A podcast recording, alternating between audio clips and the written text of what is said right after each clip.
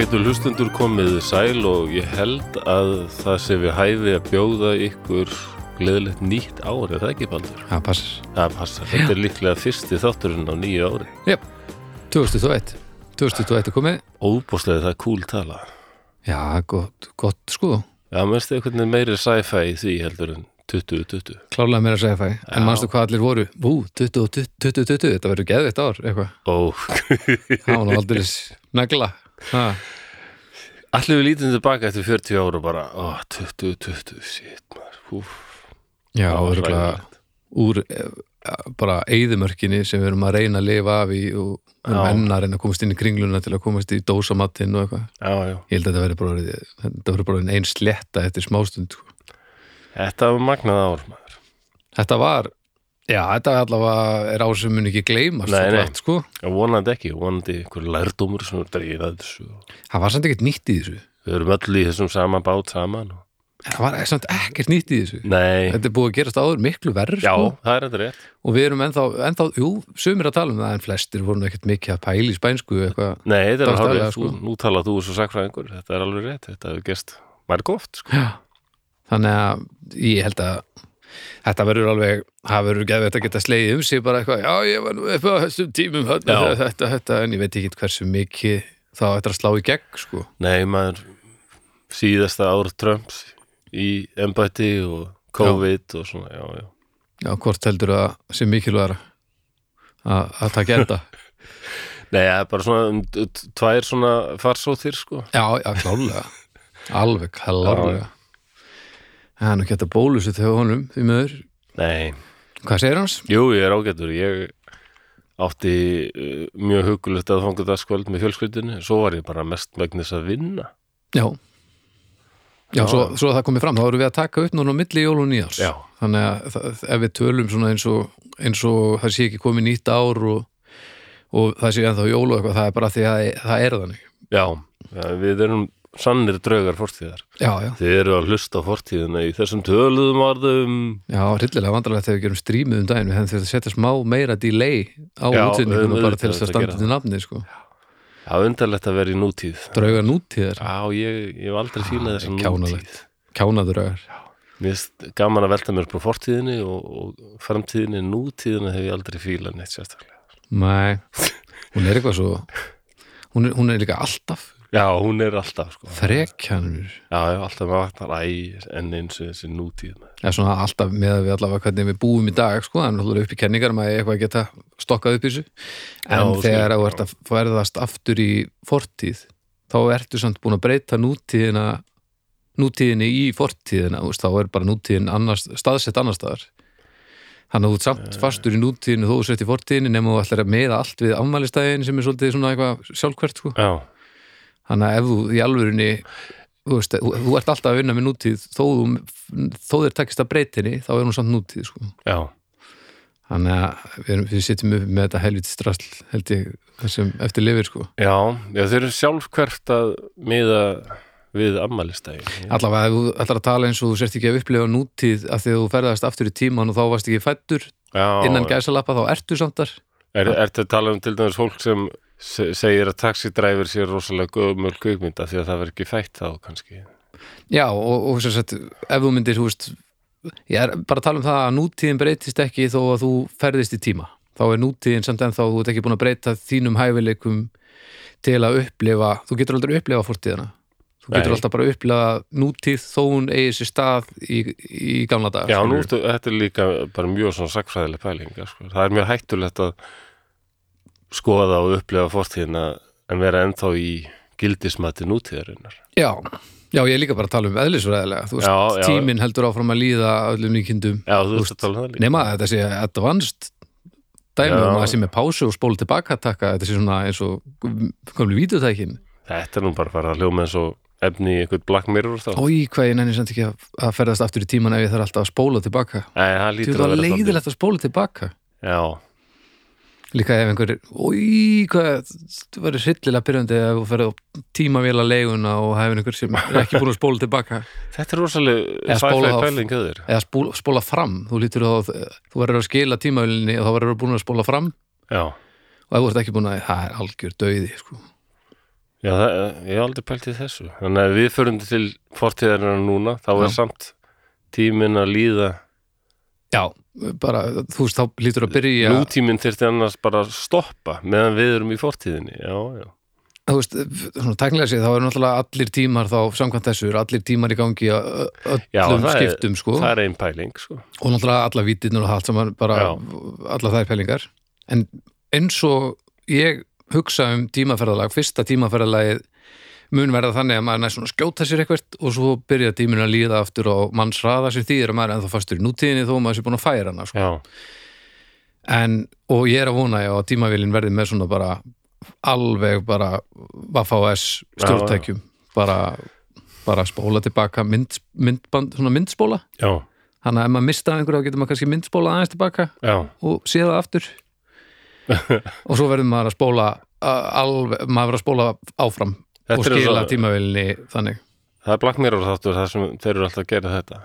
spóla, Já, maður ekki að hann, til dæmis kemur ykkur toll og þeir byggja hann um að spóla til ég að spóla 24 tíma tilbaka. Já, já það er þarna þegar aðeins alltaf vera- áfram, já, stoppa þarna á mitt, keira þetta já, þegar, þegar allir er konum með upptöku í á sér og nefnir einhver einn eða eitthvað. Eitthvað svo leiði, sko. já, það er pínu óþægilegt sko. Já, ef maður og, er komið með svona öryggismyndavel í hausinn já, og þátturinn gekk aldrei út af það að stundum er best að vera ekkit alltaf að spóla tilbaka og lifa í fórstíðinni, heldur bara. nákvæmlega já, og líka bara ef einhver geti, ef maður geti hakkað sér inn í hausinu okkur um öðrum og sé hvað hann var að gera Já, er það ekki Being John Malkovich, hún get aldrei út, gengur út af það, held ég.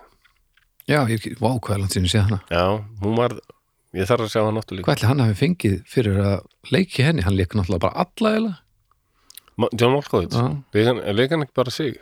Jú, en, en hann var í rosalega mörgum inntökum þarna, í nokkrum senum allavega. Já, já, þar sem allir voru Malkovits. Já, en já, þetta svona byrja nýtt ár á, á, á djúpum grinningum ég var að hugsa með, við vorum að tala þetta, ég vil læri til í eitthvað podcast eða bara fyrirlestur eitthvað frá eðlisfræðingi. Mm.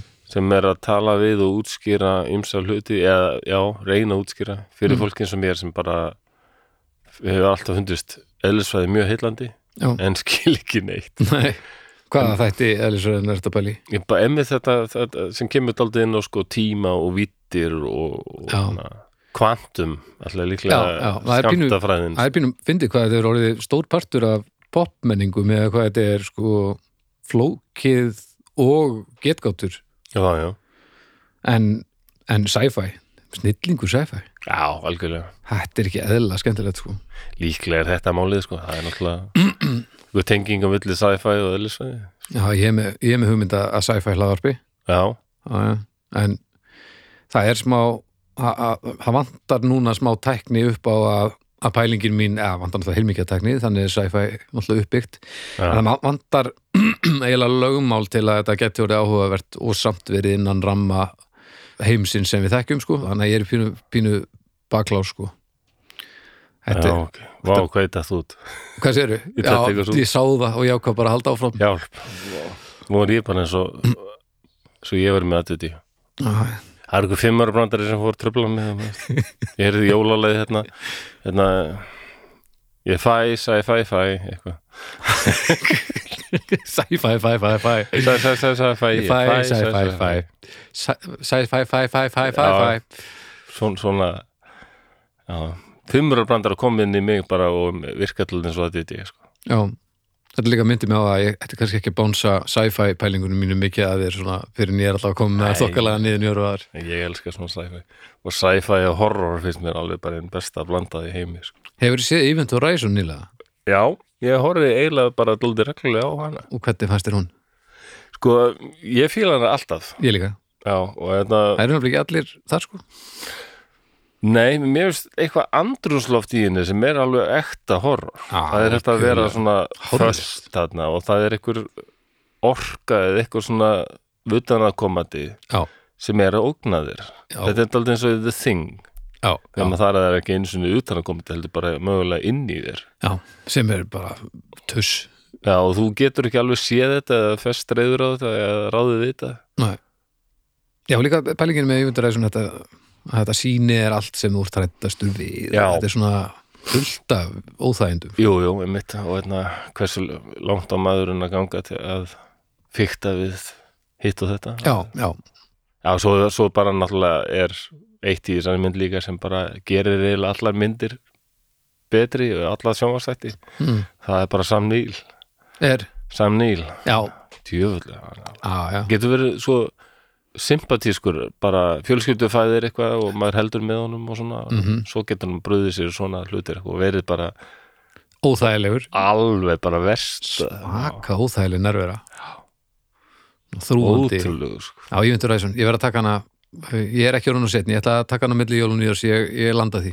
Já, og svo er þing oft svona daldið jólamyndi hjá mér, Já, sérstaklega hef það er komið svona snjór og fjúk og svona Já, já, og hann er út að labba með Siberian Husky hundin sinn. Já, þá hugsa ég, já, nú er ég að fara að horfa á það þing sko. já, og dreg, dregur fram hlutin hlutin, Er það Hlutur, ekki- hluturinn. er það ekki hluturinn? Jú, er það ekki?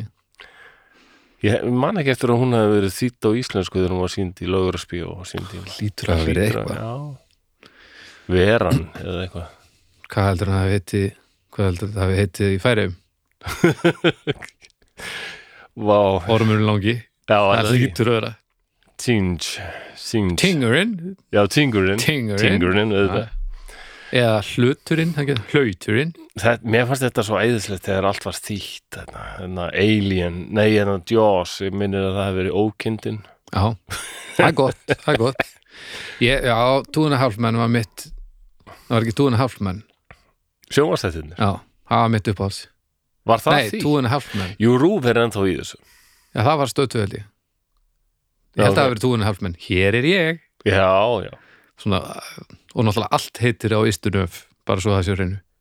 Þú getur ég. Er, ég, allan er, þetta ekki að tala um þættina þarna með Charlie Sheen og Jú, en ég er, ég er reyndar með einhverja bakvanga þetta hafi verið þeir þættir. Get, Nei, Just Shoot Me var þetta.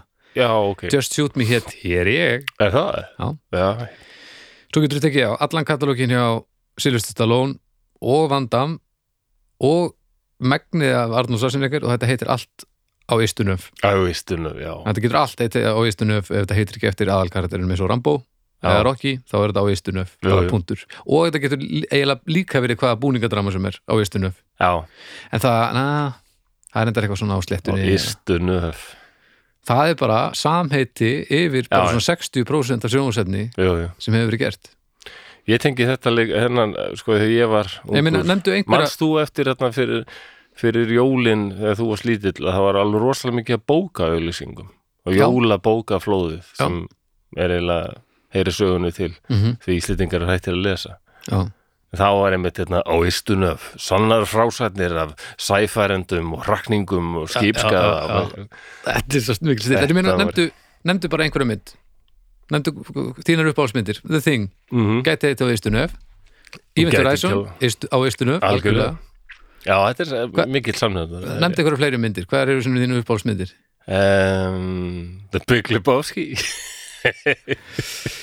Á Ístunöf, það gengur ekki. Að það, eftir, að það heitir eftir karakter. Það er rauninni svona, svona einu skiptin sem þetta gengur ekki fullkomlega upp. Nei, það er bara hérna mottan sem eitthvað. Já, eða, eða bara stó, sá stóri Lebowski. En eins og stríðsmyndina, hvað heita stríðsmyndina sem þið kýru vendum? já, það er alltaf istunöf, það er rétt. Er það ekki? Jó, Home Alone. Áður hrækningar á Ístunöf, Home Alone, klálega.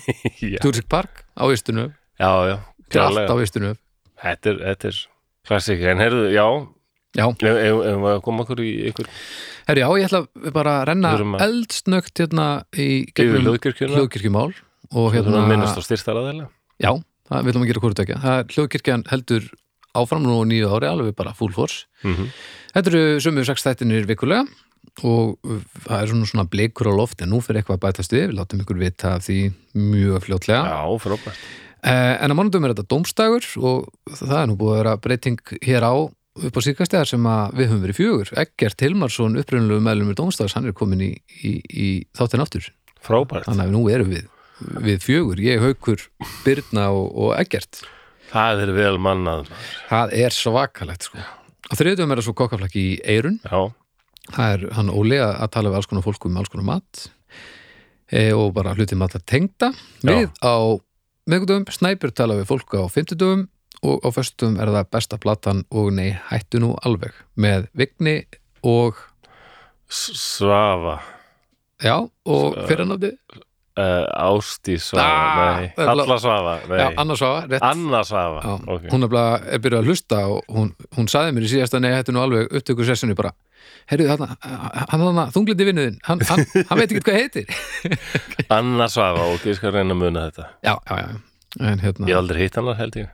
Nei, að því því ég, ég viti til sko. hún einstaklega skemmtileg manneskja. Það lítur að vera. Eins og þau öll og já, Vili Naglbygtur, hann, hann stjórnar þeim þætti Já. og, og upp á síðkasti hefur þetta verið gestalöst út af ástandinu í heiminum. En, en nú eru vonandi þegar þeir að hlusta á þetta þá eru vonandi blikur á lofti og, og við getum farið að- að fá gestina aftur. Já, þannig að þá verður mikrofónin tekinn af mér sem er bara full þörf á eins og ég tala nú ekki nóg innan þessar kirkju.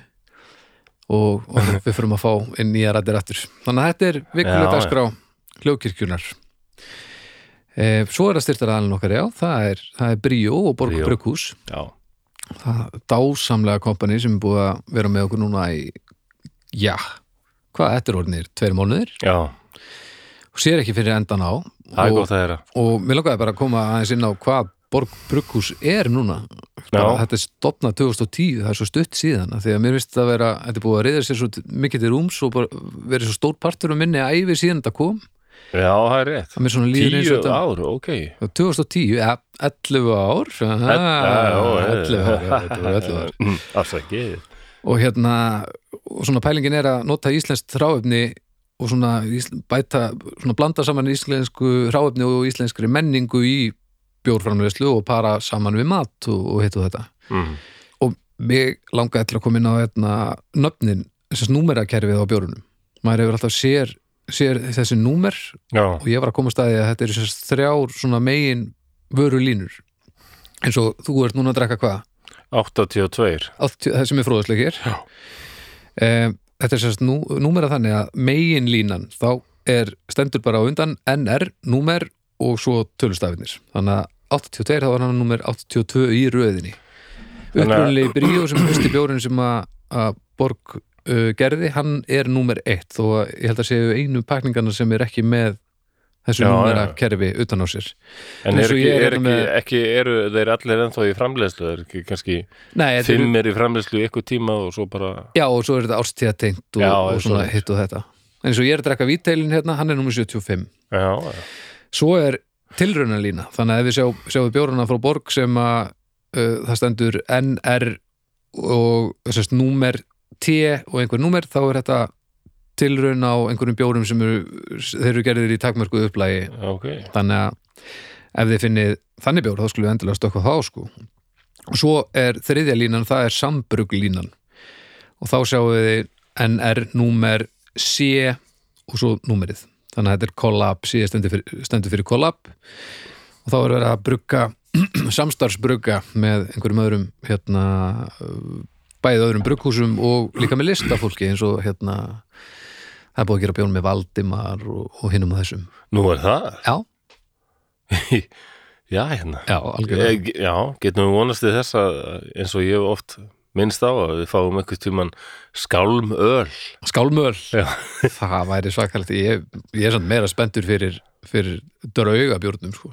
Já, við þurfum náttúrulega að pizza í því. Nú erum við náttúrulega ekki búin að tala við neitt en það væri geggjart Já, það verður að vera í svartum, dósum. Hann þyrfti að vera svolítið leiður, svolítið Er það? súr.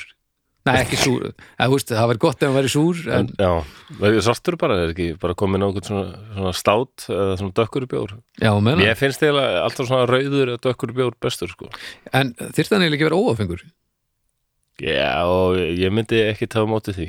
Nei, ég, já, ég, það er skellur sko, eða við þurfum að helst þar að hendi tvoð sko, Já, ok. En hérna já, mér var stoltið skemmtilegt að því að maður rakst stundum augun í þetta, hérna T á undan númerinu og þetta á undan númerinu, ég vissi aldrei hvað þetta þýtti Nei, og ég pældi ekki til þess þetta er sérst tilrauna lína og, og collab línan Já, já Já, En, já. erum við búin að tala segja allt sem segja þarf um bríó eða? Já, nema bara, bara nema bara- þú færð getur keift þetta. Já. Já, þú getur bara farið er í þetta bara fáalitt í byrju og búðinni og sögðakróki og bara opið frá tíu til hálf eitt? Nei, þetta er nú ekki svo leiðis Það er lengur þetta, er, þetta er í krónunni og þetta er í hagköpum og, og, og þetta er í melabúðinni og já, í Ferðakaup. og, og svo er þetta komið hérna í grambúðinar nú er það? Já, já, flott. Fyrst þetta komið í grambúðina þá finnur þetta út um allt land í, í smærri plásum Þannig að takk hérlega fyrir okkur, já, Borg og Bríó. Takk hérlega fyrir það. Það er gott að vera bríó. Já, þú ert með röddina maður. Það er víst. Já, rödd Bríó. Herðu, já, nú er ég ágjörð því að við sem búin að bladra svo mikið. Við Já, ætlum bara- að reyna að minka þetta bladur fyrir særingar. Já, ég hef nú ekki svona miklar ágjur að þessu. Við, Ég myndi allavega að segja að það er allt samkvæmt plani. Ef þú hefur núna ágjur að við séum búin að tala um mikið þá er Já. þetta samkvæmt formúlinni ok, og nú getum við fleitt okkur áfram. Já, Því ég er svolítið forvitin að að heyra hvað já, ég er komið núna sko. eh, spenntur að koma með þe- þetta. Þetta er mjög áhugavert mál. Og, pingu átakanlegt en ég held að þurfi ekkit að vara mikið við jú, jú, það er kannski sálsætt okay. ögn, ögn, svona. Og það endi. Já, okay. en þetta er aðalega átakanlegt frekar en óhugnalegt ok, en það er vissulega óhugnalegt líka en já, já, ok. En ég er kannski be- best að leiða hlustundum bara að dæma sjálf. Já, leifum börnum og dæma sjálf. já, ég held að við séum þá tilbúin að setja okkur í þessar hefðbundu stellingar. Mhm. með aðeins að hósta fyrst. Guð minn almáttugur. Allt á mikið konfetti. Já, já, já. Og hérna minnum mig á það ég, eru áramót Ég þarf endilega að kaupa almanak háskólans Hvað segirðu? Almanak háskólans ég, Já. Mér finnst alltaf svo gaman að kaupa almanakið um áramótin. Mér finnst það eitthvað svona jólalegt og áramótalegt. Ertu vissum að þessi ég sem er matilgisprestin eða? Nei, ég- já. Mér finnst ég bara án almanaksins finnst mér ég vera bara nakin. Næstu því almanakin Já, Æ, hú. Verst er hvað ég hlæði sjálfur að eigin voða að fyndi. Já, mér líður eins og við hefum átt að vara við þessu sko, Já, ok, ég skil. vara börnin uh, setja börnin inn í annað herbyggja og herbergi almanaksbrandarinn kemur Loka bara að henda liklinum. Nei, nei, nei, það má ekki. Það er er- vískilingur. það er ólulegt Já. En hérna, já, við skulum bara reyna aftur og setja okkur í stellingar því nú komið að því ágætu hlustendur að særa fram drauga fortíð. Drauga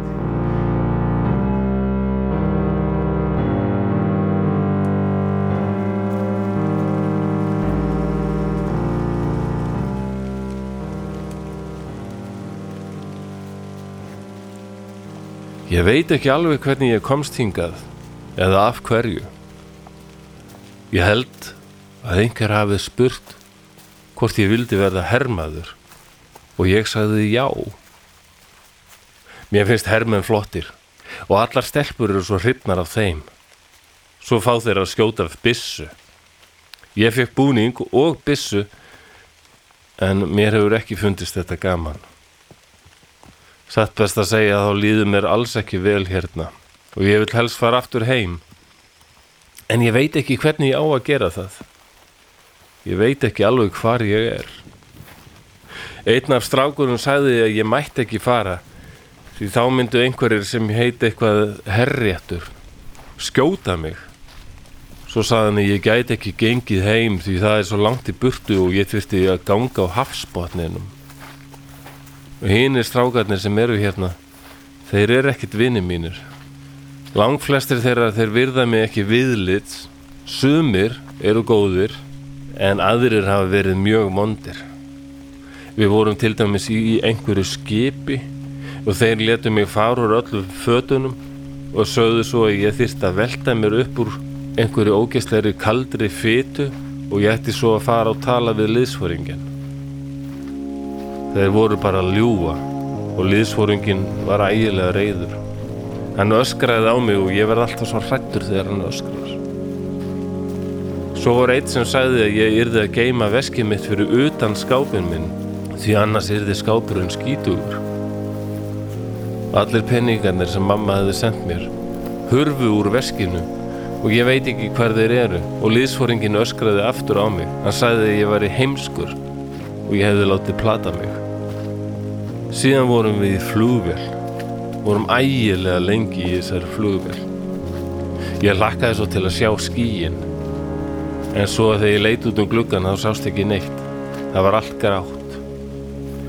Og mér leiði illa í flugvélinni því við vorum svo lengi að fljúa og þegar við lendum þá kom maður sem sagðist heita Major eða eitthvað svoleiðis. Hann spurði mig frá hvaða fylki ég væri.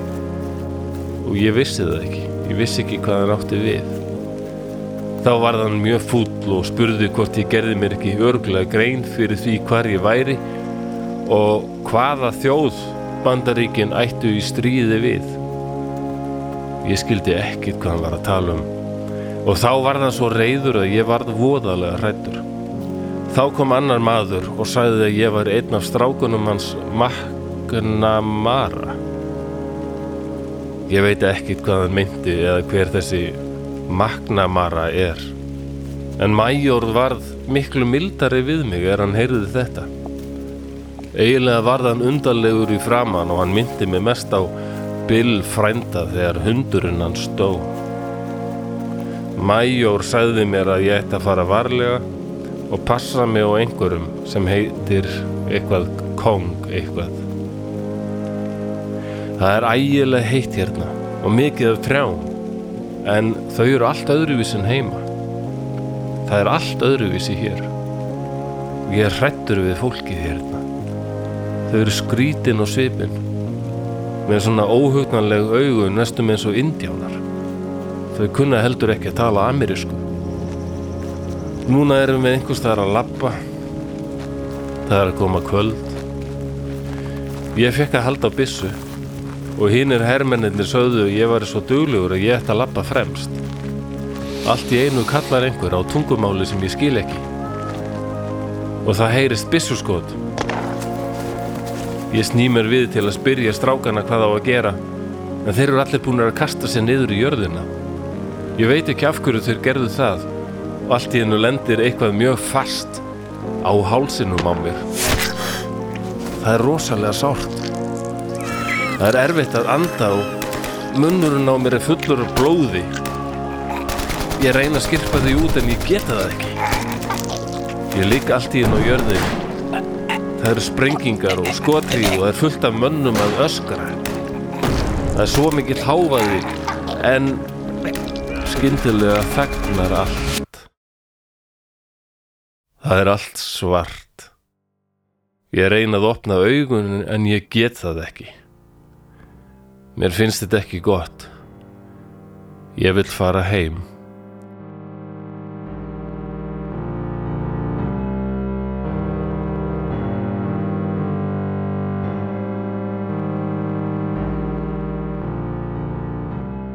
Jæja, Baldur, uh, þú mátt opna augun og veitna, nú ætlum við að tala saman. Það geti verið mikið tal. Æ, Hefur eitthvað hugmynd hvað við erum að að ræða? Ég held að einhverju umræðu hófnum hafi einhver tíma bent á þetta. En ég hef lengi vitað um þetta og lengi ætlaði eitthvað að fjalla um þetta. nei, ég veit ekki hver þetta er en þetta er hræðilegt Já, er það ekki? Þetta er nefnilega hæðilegt. Séturinn maður Og þetta er daldið byggt á svonum heimildum. Eiginlega er þetta daldið, þessi maður daldið blanda af tveimur mönnum sem hérna, já, reyndar þegar ég las um þá, þá voru nöfn þeirra, allavega nafn annars þeirra var sko dullnefni. Þannig að við erum að tala um En einn af, einn af þessum mönnum er maður sem heitir Robert Romo.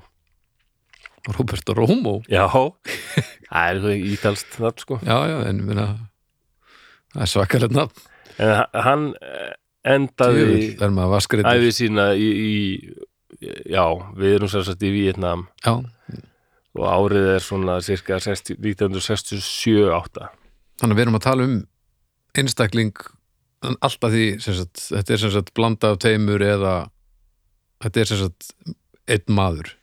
Já, að því ég held að það Ja. væri mögulega að búa til svona talsmann ungara manna sem voru sendir til Vietnam í glórulaust mission ég ætla að vera að búa til bara svona og ætla að fara að fjalla um glóruleysi þess að senda ofunga einstaklinga í stríð. Nei, en þetta er sem sagt persónuleg saga. Já, þetta er sko við ætlum núna í þessum þætti að tala um fyrirbæri sem heitir var kallað aðgerð 100.000 Project 100.000 og þessi McNamara sem uh, umræðir hérna sem maðurinn vissi ekkert hver það var Já, þeir voru sko oft kallaðir McNamaras morons. Bjánarnir hans McNamara Já. þetta er eiginlega bara bjánadeildin. En að því að hérna, þetta er alveg óæðalegt sko. En heldur þú sem sagt að Forrest Gump og Gomer Pyle hérna það ekki, hérna Full Metal Jacket? Já, já. Það er, þetta er ekki gripið úr lausu lofti. Nei, nei. Ég mitt hugsaði beint um fóruð skömmt náttúrulega. Já, nema hvað það er drastmynd, ég þóla hann ekki. Það er er ekki allt, skömmt Nei, það er allt sko Var það því hann er svo dulur að hlaupa? Já, var, það gengur allt svo vel hana. Já, og það er náttúrulega En staðrendin er svo að þetta var hryllingur, það voru margir menn eins og Forrest Gump sem voru með orsalega lága greind. Og hérna Hefur þú prófað að horfa á fóruð skömmt og svo Full Metal Jacket strax á eftir? Þá Nei. færðu held ég svona þokkalan balans af því að það gekk ekki alveg allt upp hjá Gómer Nei, alls ekki. Og hann er líka dæmum mann, já, já já, veit ekki hvað, ok, McNamara hann var varnamálaráð þeirra bandaríkjana 61 til 68 Mhm. uh, hann uh, ma um margt aldrei merkilegu náungi sko og, en hann átti ro rosalega stóran þátt í þessu vietnastríði og, og í því að senda fleiri og fleiri, fleiri hermenn þarna Mhm. og, og fekk alltaf, fekk alltaf tósta krí út hérna, leiði fyrir fleiri og fleiri hermannum sem voru sendir hérna. Og, en á endanum þá sko um 68 þá allt nú fór hann að sjá bara þetta, þetta er bara brjálaði, við munum aldrei vinna þetta. Og Við erum aldrei taka enda. Nei, en hann ég held að hann hafi verið eitthvað ég veit ekki hvort hann hefur verið eitthvað rófi en hann var aldrei svona einstrengingslegur. Hann hafði ofur trú á tækni. Hann var Já. alveg viss um að það væri hægt að til dæmis að út af því að bandaríkjum væri svo tæknilega framæri sem skærulegum Já. lit að vinna þetta. Að það er bara skærulega hernaður er bara svo hann virkar svo vel sko. Er, Ég hef skoðað þetta núti. Já, þú er náttúrulega komið þarna. Já, þetta er Þetta- ótrúlega tjöfusins útivöllur maður. Tjöfull sem að hann ætti ekki sens að og svo maður útskýr þetta fyrir fólki þá er sko að gera greina mun á Viet Cong sem voru aðalega skærulegar sem, sem sko, voru að verki í suður Vietnam Mhm. sem var e, þar sem bandaríkin og suður Vietnam sem var bandamenn bandaríkjana er eðuríkjum og Viet Cong voru sem sagt að fyrir innan výlínuna sem sagt, að, eða baki výlínuna svo. Mhm. mjög hættulegu starfi sko. En, en í norðri var svo norður vietnamski herin Já. Sem barðist líka gett bandaríkjum en, en bandaríkjum voru kannski hrættastir við þessa Viet Cong sko. þetta var alveg rosalegt lið sko. Já, þetta er og til að já, útskýra þennan, þennan hernað kannski bara fyrir fólki sem að þekkir hann ekki þá er þetta svolítið ég held að ef maður hefur lent í þessu þá væri upplifunin svona eins og þú verður að bara berjast við drauga já, af því þú ert þú sérð aldrei neitt, þú lendir alltaf inn í skottrið þar sem að hermenninni popp upp úr sko pínulitlum hólum mm í jörðinni að þekkja svæði fullkonlega upp í trjám og, og þau poppa upp, skjóta, skjóta, skjóta og svo eru horfin. Þetta er svolítið bara eins og við vorum að tala um með finnana í, í vetrastriðinni já, og þar sem að þar sem að herir þekkja sitt heima svæði og láta það vinna með sér gegn já, og það er ótt að segja að bandaríkjumenn hafi verið á ofbóðslegum útífelli með allt sitt sjálfströst gegn uh, vítgóngunum sérstaklega. Já, ofbóðslega skrítið að koma þarna og bara sjá hvað þetta er hranalegt umhverfi sko. Já. Og ég bara, einmitt, ekkert vannur skilit ekkert nefnum upp á vissu marki og ég, ég hef verið auðveldasta skotmark allra tíma sama hversu vel undirbúin ég hef komið þarna. Já, hver heimamaður hefði bara svona eitthvað smúf eins og þessi göng sem þú sagði Já. Er- þau eru bara mjög þröng? Þau voru mjög þröng og ég held mér að að þessi hafi verið vikuð um, já, það, um sko einhverja sentimetra bara fyrir fyrir hvítu olbóðana sko. Já, og já, það var alveg fáránlegt að tróða sér gegnum þau. Ég fór alla leið að sjálfsögðu að því ég er svo djöfull, ekki, fæ ekki innlungur að kent og ægilega þrjóskur sko. Já. Þetta er svakalegt og líka maður sér þetta ekkert. Þú finnur ekkert opinn nema þú veitir hvað það eru sko. Nei, á, ok McNamara og bandarækjumenn voru komin í smá þá, þá vantaði hermenn sko. Þeir eru er það að fá fleiri hermenn en það var vandamál eiginlega af því að þeir eiginlega ekki verið að neyða fleiri í herinn. Og það er þetta almenningu alltaf meira og meira snú og skeggt þessu það Víetnamstríði það var engin stemmari fyrir því að senda fleiri Nei, unga. Og þá datti mér hug svo snild að hérna koma með hérna það eru til svo kallar NSM New Standard Men mm. sem eiginlega bara standardin bara lækkaður allt svakalega og meðal annars þá fóru þessi Magnamaras Morons á verið til dæmis að sko grein, greindarvísi talan Mhm. hún var lækkuð alveg rosalega þannig að menn sem voru með bara sem voru með niðri í 71 í gátu Sjö- núna verið teknir í herin og líka menn sem voru með minniháttar líkamlega líti eða einhverja minniháttar geðveilu eða voru of þungir eða það var alls konar svona fólk og það voru margir svona greindarskertir. Mm. Ég veit ekki hvort maður nota þetta orð eða einhvers þroskaskerðing. Ég menna 70, 80, ég hef alveg kynst fólki sem er með það og greindavístölu Mm. það er rosaleg hömlun. Já, sko, og þarna, eins og e, það er þekkt bók sem er skri, skrifið um þetta sem heitir McNamara's Folly The Use of Low IQ Troops in the Vietnam War eftir Hamilton Gregory. Hamilton Gregory var sjálfur hermaður.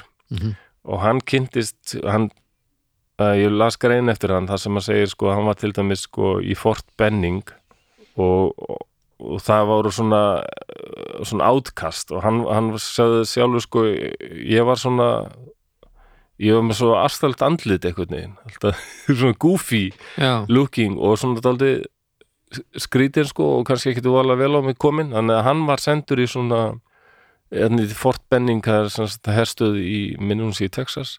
Mm. og og var með svona svona jaðar fólki já, na, á okkurum fundi sko og það er einhver gauður sem hérna, spyr hérna, já, hvað margir af ykkur eru með gagfræðapróf og það er ótrúlega fáir sem rétt upp hendi. Já, Já, ég býst ekki við því að sé neitt hann með háskólapróf sem saði gaurinn. En þá rétti Hamilton Gregory upp hendi því hann var mjög vel gefin maður sko. Já, já, en einhver hluta veitna hefðu þeir ekki alveg treyst honum til að verða alveg, alveg hermaður. Ok. Hann mjög í með háskólapróf. Og þá var hann tekin út sko og sagði ok, við sendum þið til Vietnam varum til að passa upp á þennan gaur hérna? Og það- hann kynntur fyrir ykkur manni sko. Mm. Já, hann er einn af hálfvitunum að smakna Mara og, og Gregory var alveg hissa á hver, maður, á hver hann að múðka mannin hérna, bara í hans návist. Mm. en hinn, hinn maðurinn hérna, sem hann kallaði bara Johnny Mm. hann hún virtist ekkert kippa sér upp við þetta og svo fer Hamilton Gregory að tala við hennan Johnny og þá kemur það ljós að hann veit ekkert eins og frá hvað fylki hann er hann veit ekki hver er fórseti bandaríkjana Nei. hann er óljós að humd um hvað bandaríkin eru Mm. hann veit ekkert hvað Vietnam er eða að bandaríkin er í stríði Vietnam og það, hann er hermaður sem er verið að senda til bandaríkina hann kunni ekki að reyma sína eigin skó. Hann kunni ekki að reyma. Og hann kunni ekki að lesa eða skrifa. Og hann var að fara til bandaríkina sem hermaður og Gregory var bara svo sjokkaraður á þessu. En svo leðið lendi í Vietnam þá hann reyndi að passa upp á hann gaur en svo þurfti hann að kveðja hann. Mm. það var alltaf bara þetta stemdi alltaf hann hefði aldrei lifað þetta af. En hann, hann kynnist þarna liðsfóringja Mm. þessi Johnny og liðsfóringin átti systur sem var Æ, hva, hvaða orð má ég nota baldur? Ég er svo gamall, gummul risaður Eh, Er það já, bara einhverja þroskaskerðing? þróskaskerðingu Má ég held að- það? Ok. ég hugsaði Það að er auðvitað einhver í umröðu hópnum Guð þroskaþjálfu eitthvað sem getur Já, hleypinn. það er allavega þá ef við erum að nálgast þetta uh, rámt, þá er það óvilja verk Já. og við, við byggjum þá um ábendingar og, og leiðir réttum í kjölfarið Algjörlega og ég, ég mér er þykir alltaf daldið svona fólk ég hef bæði, bæði unnið á frístundaklubbi fyrir börn sem eru, eru á þessum stað Já. sem er alveg æðisleg vinna mm. og æðisleg æðislegi krakkar já, og svo er ég úr Kópavogi já, en ég bara ólst upp fyrir það bara að sjá fólk með Down syndrom og bara svona sérstætt fólk já, bara næstuðu hverjum degi sko. já, já, og veitna, það var bara ekkert stressað við þessu ég held ég hef sagt í einu þætti frá því ég var í hvort það hefur stikkisólmi eitthvað starf um, og var með einhverju strákum þá kom einhverju strákur með Down syndrom og þeir eru það hálf hrættir sko. já. Nei, ég bara, hérna, á hæ, hvað, hvað heitir þú og veitna, þannig að ég held að þessi daldi Kópavóðs uppveldin að þakka því Já. í Kópavói var öllu þessu fólki daldi hóla niður í hæli sem við Kópavóðshæli Mm. rétt. En já, hann, þessi Johnny, hann sko, og þessi liðsfóringi átti systur sem var á þessu, þannig að hann tók hennan Johnny daldi undir sin verdarvæng og, passaði að hann var ekki sendur ok, í, hann, hann lifði þetta vietnastrið af. Já, já, ok. En hitt dæmið sem ég var að taka var þessi Rómó. Já, Rómó. Já, en það var sem sagt maður sem hét hérna, Barry Rómó ok, Barry Og Rómó hérna- þetta er rosalegt. Barry Rómó og Barry var, Rómó. já, hvað hann segja venjulegur bandariskur hermaður já, nema hvað sýstir hans átti son Mm. sem var á þessari sér, sérleið mm. og hann var en hann var samt sko bara þeir voru eiginlega jafn gamlir ok, og þannig að þessi Barry sagði sko bara, ég meina þessi, þessi strákur sem við Robert mm. hann, við vorum með eins og bræður sko, við, við bara osalega nánir og ég leita á hann sem bróður minn. Mm. og öllum þótti rosalega væntum hann í fjölskyldunni. Og hérna, Barry var síðan í Vietnam 67-68 hann var sko liðþjáli, leiti sko herdind og hérna, lendi í bardögum og, og fekk hérna bronsorðuna, bronstar sko fyrir hetudáðir á já, já En svo er hann þarna og allt innum bara færa hann bréf að heiman þar sem honum er sagt að, að þessi sýstursonur hans hafi verið er sko drafted eða tekið mm. skikkaður í hérin Já. svo hann ekki búið sem hann heldur skikkaður bara þannig að hann fæ bara bréf þú hefur kallaður í hérin já, og var að, að læra var sem sagt komin í þjálfun sko, verða fóðgöngulið og Barry var bara fekk sjokk þegar hann lesta því að hann vissi að Robert var já eins og kallaði í greininu sem ég las sko very slow. Já, og hérna hann hafði farið í próf hjá hernum og alveg hríðfallið á því sko. ok. En svo kemur þetta Project 100.000 sko, sem lækkar standardana. Og það var hægt að kalla hann í herin mm. en, en það, þessi próf sem þeir voru skikkaði til að taka hvort sem þau voru líkamleg eða sagt skrifleg þau voru öll fölsuð þeir gerðu þetta ekki, það voru bara einhver aðri sem mættu í þetta það var svona svo syndlað á þessu sko. Mm. þannig að allt í hennu fylltist allt í Vietnam af svona fólki, þetta er alveg hryllingur en allavega já, og, og. Barry alveg sko til dæmis fjölskyldan hérna, fjölskyldan og hérna aðrir hermenn sko skrifuðu hérna herstjórnandanum hérna í, Fort Lewis þar sem Robert var að læra að verða uh, hermaður og þess að bara sko please hérna, takið hann úr þessum aðstæðum. Hann mun aldrei lifa þetta af. Mm. hann hefur ekki hæfileikana í það. Hann er bara svo lága greind og, hérna, og það, þessu var öllu hafnað. Svo Á er Robert hvað- sendur í fótgöngulið stild mjög nálægt Norður Vietnam sem var alveg náttúrulega mjög hættulegt af því að þar Já. voru mörg þúsund Norður Vietnamskir hermenn með, með sovjersk vopn og velþjálfaðir og ákveðnir í að hrekja þessa heimsvalda sinna af sínu landi Mm fyrir þeim er þetta náttúrulega eins og segir Amerikustríð hefur Já. sett sko þeir voru bara berast fyrir því að ná stjórn á eigin landi já, þeir hefðu, hefðu tekist að hrekja frakka. Á höndum sér sko. Unnið frækilegan sigur á þeim og það, eina sem gerist var að þá kom bara Amerikanar nákvæmlega. en eh, og þessi Robert hann og með hjarta á réttu stað og hérna, hann sá mann sem var skotinn og hann hljóp til hans alltaf að reyna að hjálpa honum.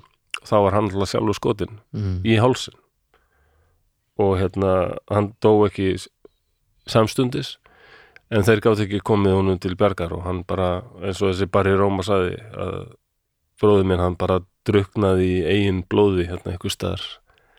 Og ókunnum vígvelli langt frá heim, heimalandin sínu. Þetta er, ruglmaður. Þetta er mjög ógeslegt Hva, hvar í ferlinu var það talið að þetta veri betra? Já, ég skal koma að því. Það, var, það er Róbert Magnamara að kenna sko. En þarna bara ég sagði síðan í þessu viðtalinu sagði sko svo kem ég heim og ég hitti menn sem hérna höfðu sloppið við að vera kallaður upp í herin búið út af því, út af samböndum ofsalega mar, margmenn sko, það voru til dæmis menn sem voru sinir þingmanna oh. og, og þeir höfðu sloppið út af því að dæmis einn tröllar. sloppið út af því að hann, var, hann þurfti að nota svangir í tennurnar Æ, helvítis vesen Já, er ekki hægt að senda svoleiðis manni við djöfulsins anskotas bakk Já, ég ég brjálaði fortíðinu Já, núna þetta er mjög óhugnarlegt og ömulegt er, það er margir í bandaríkjum en það brjálaður út af þessu af því að þetta var náttúrulega þakka niður alveg rosalega. Anskotans ruglmaður og, og Barry Rómó hann talaði ennþá um þetta í dag. Já, þetta er rosalegt nafn, Barry Rómó Barry en Rómo hann sagði við, við náðum okkur aldrei. Sko, þeir, döiði Robert sko eiginlega rústaði fjölskyldunni. Að sjálfsögðu. Í sorg, en ekki bara sorg heldur líka reyði og það er mjög banvæn blanda, sorg og reyði Já. og þessi fjölskylda er ennþá brjáluð sko.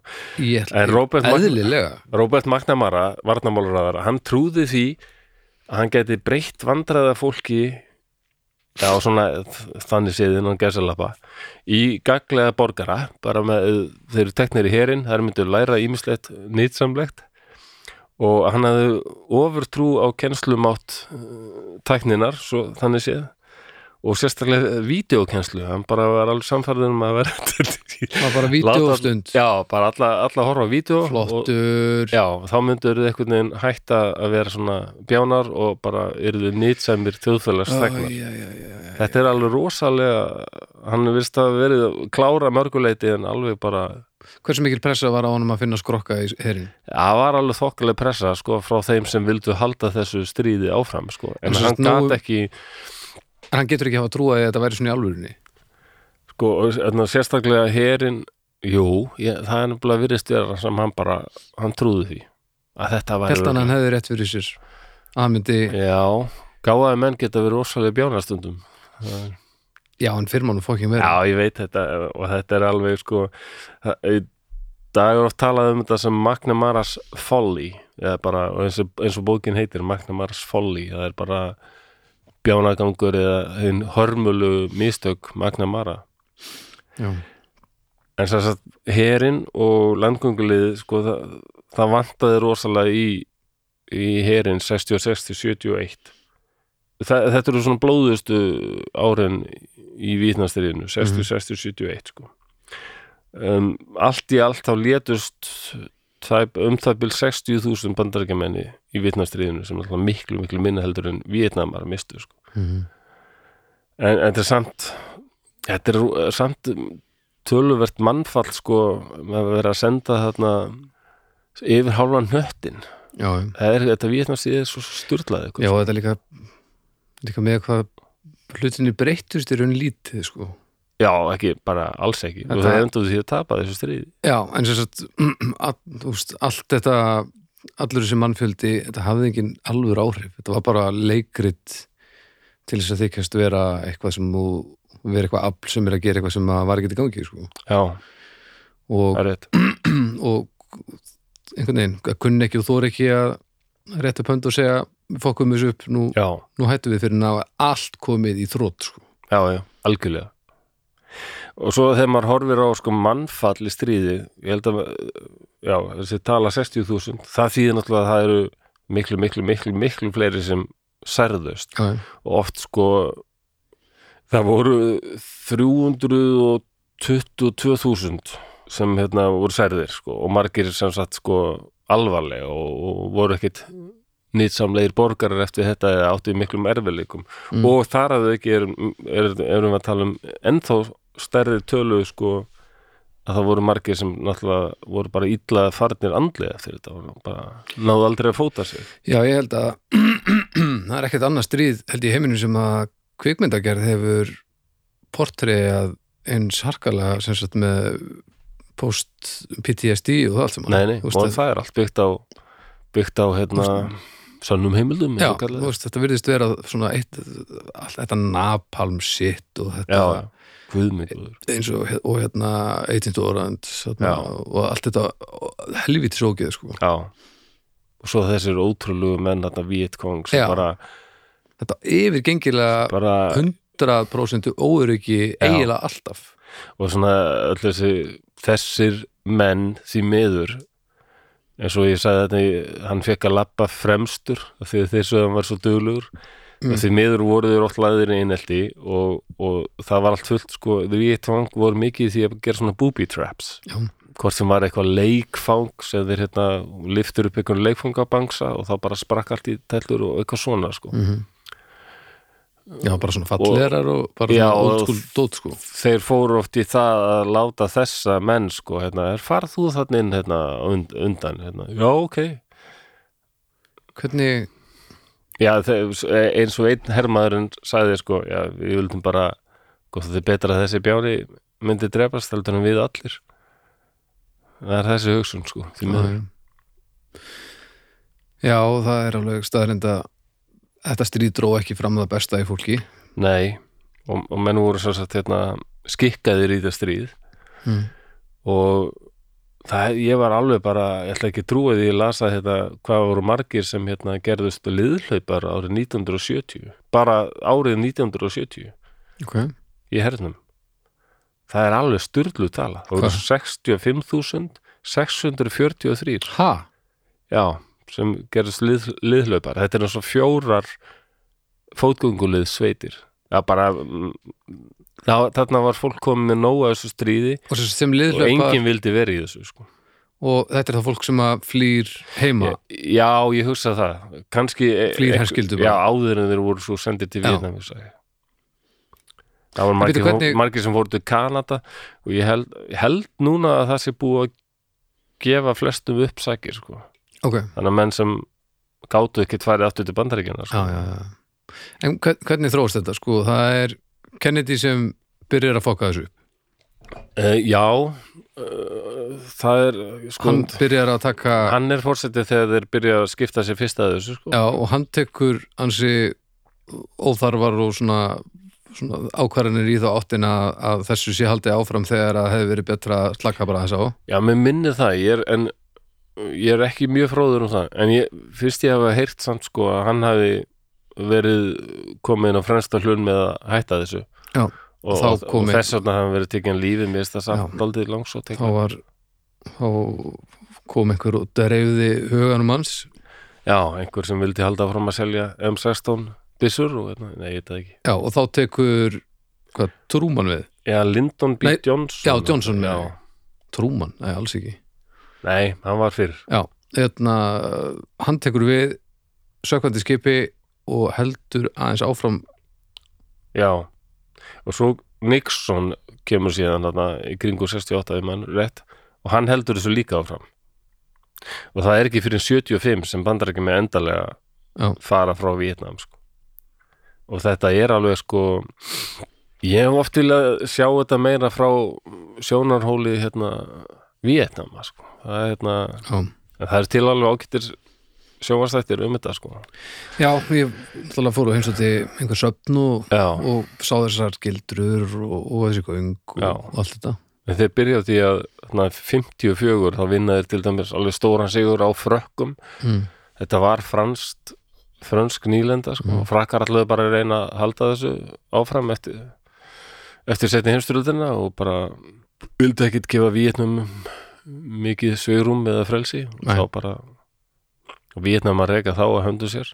Já, og þá er sk skikkaður einhver alþjóðulegur fundur um málefni Vietnam mm. og það er eitt mjög sérstætt við þann fund að Vietnamar voru ekkert kallaður á þann fund. Þetta er svo þetta er svo það er ennþá sem ekki svona nýlendu hugur í Já, já, þetta er svo uppblásið og voðalegt sko. Og svo náttúrulega hrættu við kommunistana sko. Já, það var þessi já, kenning sko að því að það hafði náttúrulega verið kóru sko. Kommunistarnir þar kóruðustríði sem var 50-53 mm, og það var þessi hræðsla að þetta verið svona domino effekt. Kóriða verður kommunistaríki svo svo næsta og næsta og næsta og næsta, og næsta. Bandaríkin stenda ein eftir og allur heimur honum kommunískur og rauða hættan. Vá! Það var eiginlega Já, það var Það gott að þeir gripi tímar taumana. Það var gott að þeir- þeir græðu þetta. Segi ég nú bara.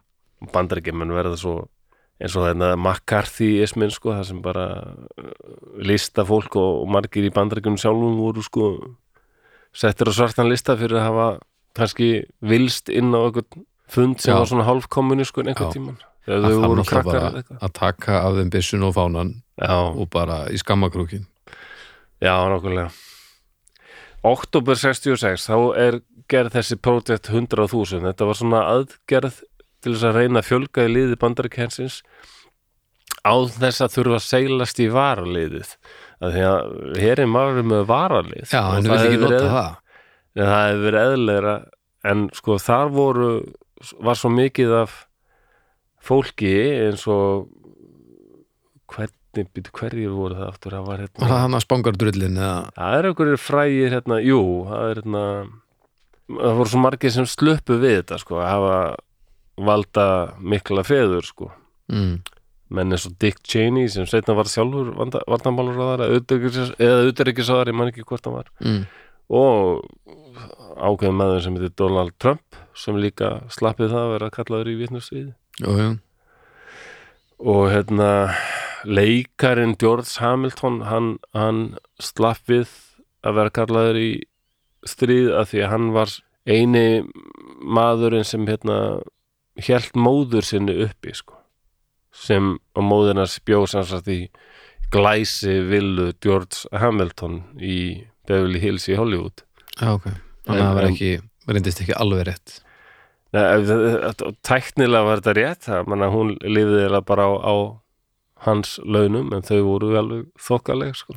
En hann slappið sagt að vera kallaður hér það, já, það voru svo margir sem sko sluppu og bara voru settir í varalið og, og, og ef þau er farið að taka úr varaliðinu þá Mm. hefði eiginlega allt orðið brjálað sko.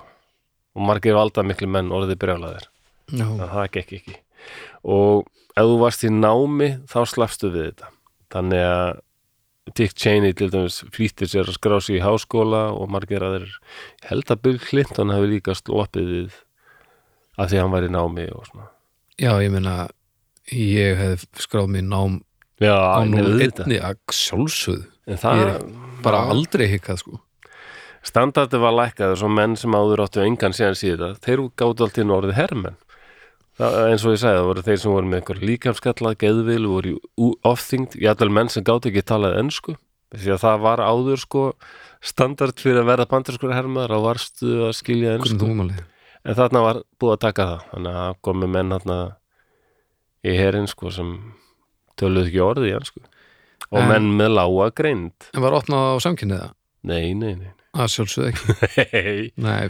Sumt bara gerir maður ekki. Já, nei, nei, nei, nei, sko, fram til 1974 eða 3, 73-4 Já, þá var samkynneið á lista yfir geðsjúkdóma hjá Já. bandarísku geðalækna samtökunum það var aldrei mál dæmið þegar hún var tekin á þeir lista 73-4 það var Já en ég meina nokkur sem mótmæltu því harkalega. Nei, að því að voru farin að senda fólk með geðvelu hvað sem er. Veist, Mátti ekki senda með hvaða geðvelu sem er sem. Nei, nei, nei, nei. Skitsofrenja, ok, samkynnið, nei. Þetta, Þetta- er Já, já. Já, þetta er nefnilega alveg rosalegt dæmi. Vegna hlakka ég þetta aldrei til að taka þennan þátt. Þetta er eiginlega, ég held að margir viti ekki um þetta líka. Nei. ekki síst þetta í Íslandi. Og ég held að þessi margir bandaríkjunum sem viti þetta hefur þakkað rosalega niður. En sem sagt þessi þetta Project 100.000 þetta sem sagt kemur þér kannski óvart að heyra þetta en þetta- þessi aðgerð missetnaðist Nei, já, ha? hún missetnaðist Er segja mér alveg einhver annar hafi hrapallega. dáið en, en Rómó? Já, það voru eftir kannanir síndu það að þessi menn þeir voru mun miklu, miklu, miklu líklegri til að falla í orustu heldur en aðrir og þeir gerðu það. Þeir, þeir týndu tölun í mun meira mæli en aðrir hermenn. Voru drefnir eða hreinlega bara hurfu. Og það var svo margt sko í þessum greinum sem ég las að voru fyrirhandi hermenn að segja sko að við vorum alveg jafn trættir við þessa gauðra eins og við við já, því að þeir náttúrulega bara kunnu, þeir kunnu það ekki gikkina byssu. Það var eiginlega bara það sko. Það voru svo mörg dæmi um það að þeir skutu sko félaga sína. Já, eitt er að mér segja sko skotið herfóring geti bana út af því að hann sjálfur myndi ekki sko passvortið herrmöður en herfóringin kom að og sagði eitthvað hérna Thunder. Já, passvort, já, passvortið er Thunder. Nei, já, ég veit ekki. Og bara skaut hann. Einhvern hátsettan herfóringi, það var allt eitthvað svona sko. og þeir, þeir Ah. voru svo seinir að átta sig, þeir töluðu kannski að laumast í ykkurum skógi og þeir bara töluðu allt of hátt og pössuðu sig ekki og þetta var bara já, já, já. bara búið að koma fólki í aðstæður sem að á ekki verið í alls ekki Nei. þetta er bara eins og senda einhvern senda átt ára stráki í stríði bara, menna svona lága grendu við við alveg niður í 71 það er 100, alveg 100 er meðal Já. Og með fullri virðingu þá held ég að okkur myndi þykja fólk sem er með akkurat 100 mm, frekar svona einfalt. Já, ég fari í greindaprófi, ég er með yfir 130 sem er bara mjög hágreind. Mér finnst mjög líklegt að þú sést á svipuðum stað. Já, en það er meðalgreind svona 100 það er það er bara það að fólk á að geta fótað sig alveg sko. já, já, já, já. en það voru svo, ég hef reynda líka kynst fólki sem er með lága greind en er aldrei svona með ákveðna svona slægð?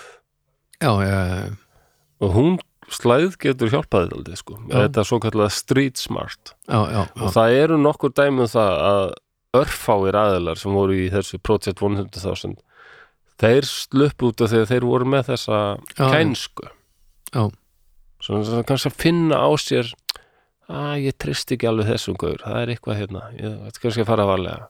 Bara þetta. Já. En sko, ég held að líka að grinda þessi tala, þetta er náttúrulega mein galla kerfi, Já, bara í grunninn, sko. Þetta á að vega og meta ymsa þætti sagt, getu heilans þins í að halda utanum hluti. Já, sem er það bara starffræði, tungumál já, ok. form já bara eðlisfræðin og bara svona hinur þessi þættir. Og þú tekur próf uh, sem kemur inn á alla þessa þætti og út úr því er eitthvað hvað þú ert með háa grindægstölu sem síðan hefur ekkert með það að gera hvort þú sett góða slæmanniska en gefur kannski svona vísbendingar um það hvað þú getur haldið utanum já, svona, svona hugsunarvæs. Já, það er svoleiðis, já.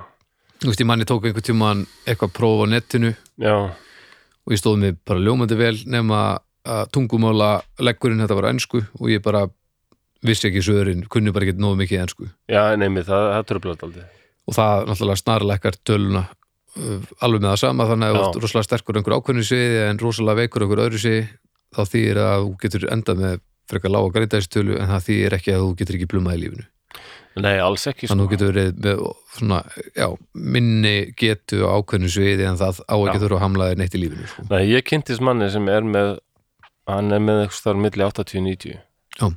En hann þessi maður þetta einbýlishús sko. hann hérna vann í fiski Já. og bara duglegur að vinna Já.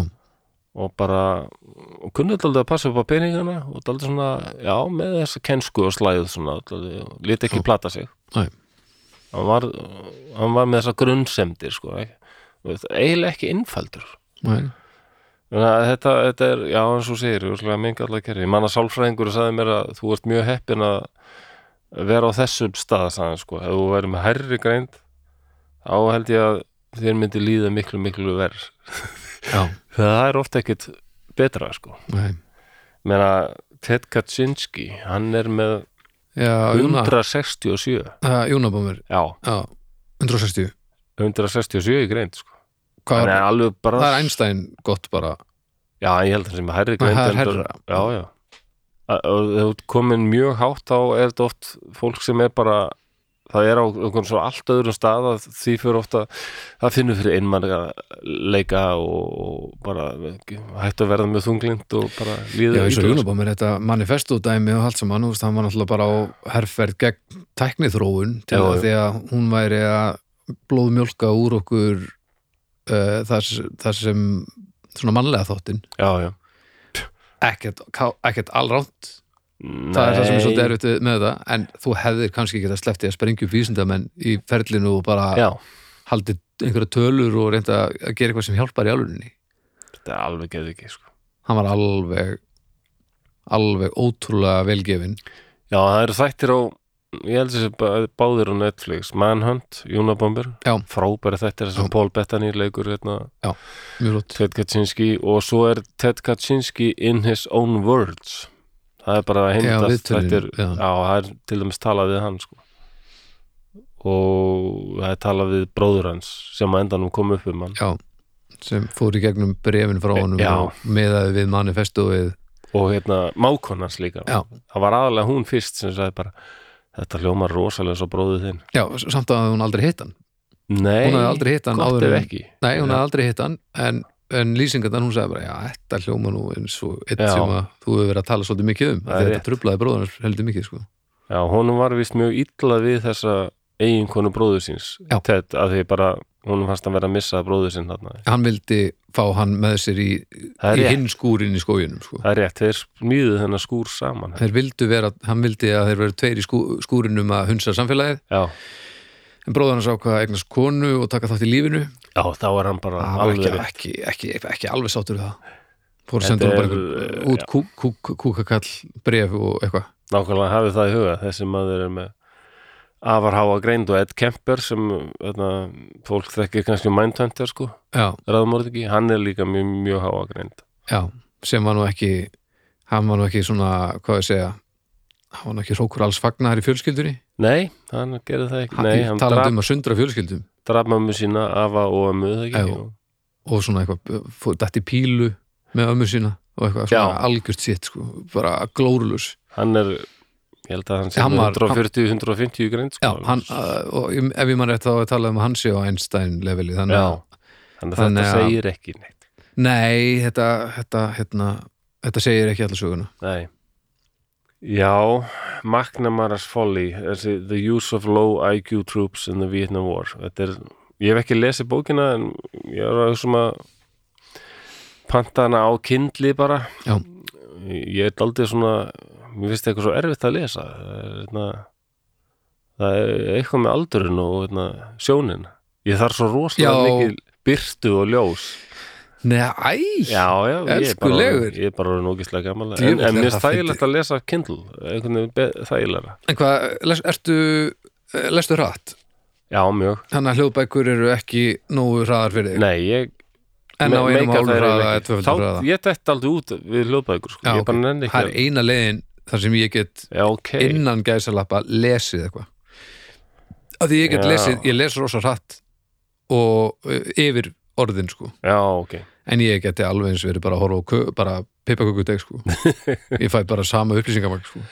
Og mér er álagt kannski ég ætti bara að kaupa mér spjaldtölvu og downloada Kindle forritinu og lesa spjaldtölvunni Það er Já, eða fáið svona, svona kindle með svona meðljósi Ha, já, með svona, svona svona paperwhite, svona samt baklýsing en Já. samt flöturinn eins og blaðsíða nema kontrastinu meiri. Ekki svona, ekki svona hérna, baklýsing eins og af tölvuskjáma því að það getur svona þreytt þig. Já, það er líklega málið sko. Fáðu fyrir eitthvað svona mattan flöt sem að gefur bara betri kontrast. Já, ég þarf bara að fara og skoða þetta. Já gerðu það maður. Það er bara seinast því ég fór í búð þá var bara einhver starfsmenn og þeir voru bara stóðu saman í napp og voru bara með eitthvað svona lokal djók og ég stóð þarna og vappaði í kringu það það var auglust að ég var kunni og þeir komu ekkert að spyrja þarna.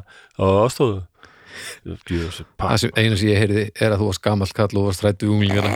Það er það sem gerðist. Já, það fórst var út í þannig. búið og varst rættur unglingana. Ég ætla að storma þinn Þeir eru ekki að fá aðstóðina Herðu, ef ástæðan mér næst þá er ég hérna með fulla vasa kandís Já, eitthvað svona. Múta þessu liði. Ó, ok. Hei, hei gæskur gæskur, komdu Já, hérna.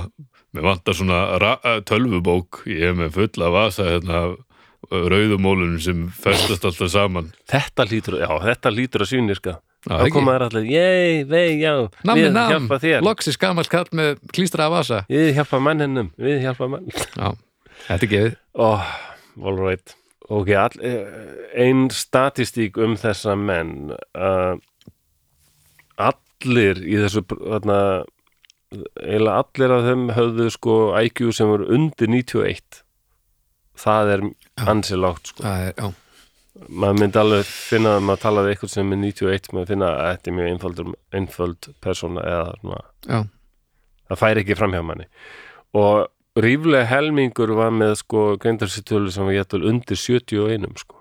Það, það er alveg bara mér finnst þetta bara brjálaði Já. að heyra það að þessi menn hafi verið sendir yfir yfir hálfa hnöttin sko og látnir fá byssu og bara já, berjast, menn það er eitthvað plumans í stríði sem snýst um kensku, herkensku já, nákvæmlega, þetta bara þetta var skelving, þeir voru hættilegir sjálfur sér, öðrum hermönnum, fengu vonda meðferð, lagðir í einelti og einmitt oft fórnað, láttir gangi yfir jarðsprengisvæði, ef það er grunur um að væri svona booby traps, ég veit ekki hvað íslensk orðið booby traps, svona leini gildra, eða Já, svona. svona, já, bara gildra. Já, eða grunur um það, þá voru þeir látnir sko, tekka, takst upp hennan bangsa Þetta er ljóta djöfulsi sókið.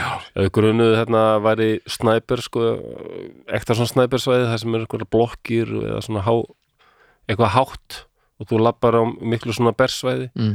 það er tilvalið fyrir leyniskittu sko að vera.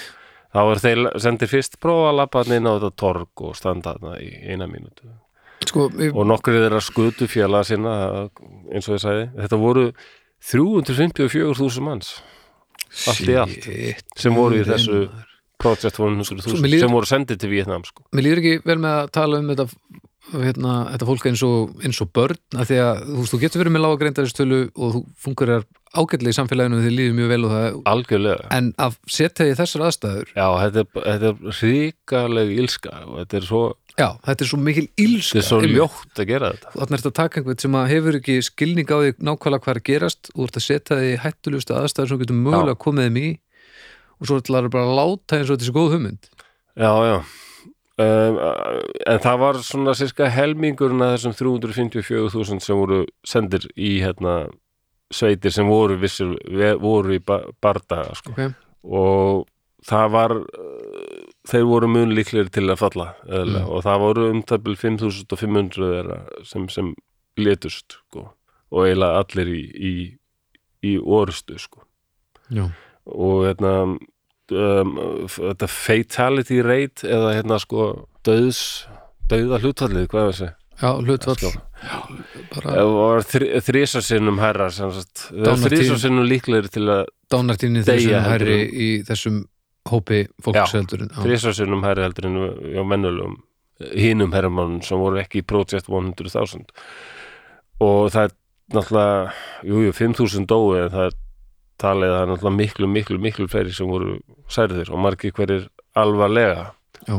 og na, varanlega sko, Já. missa fætur, hendur blindast það, það er eitt sko ég held að fólk gerur of mikið stundum að horfa á þá sem falla en eins og segi, talan þarna er 5500 af þeir sem falla en svo ertu með mörg, sko, miklu, miklu fleiri sem særast og það er það fólk er oft eiginlega bara fallið líka það er bara, já.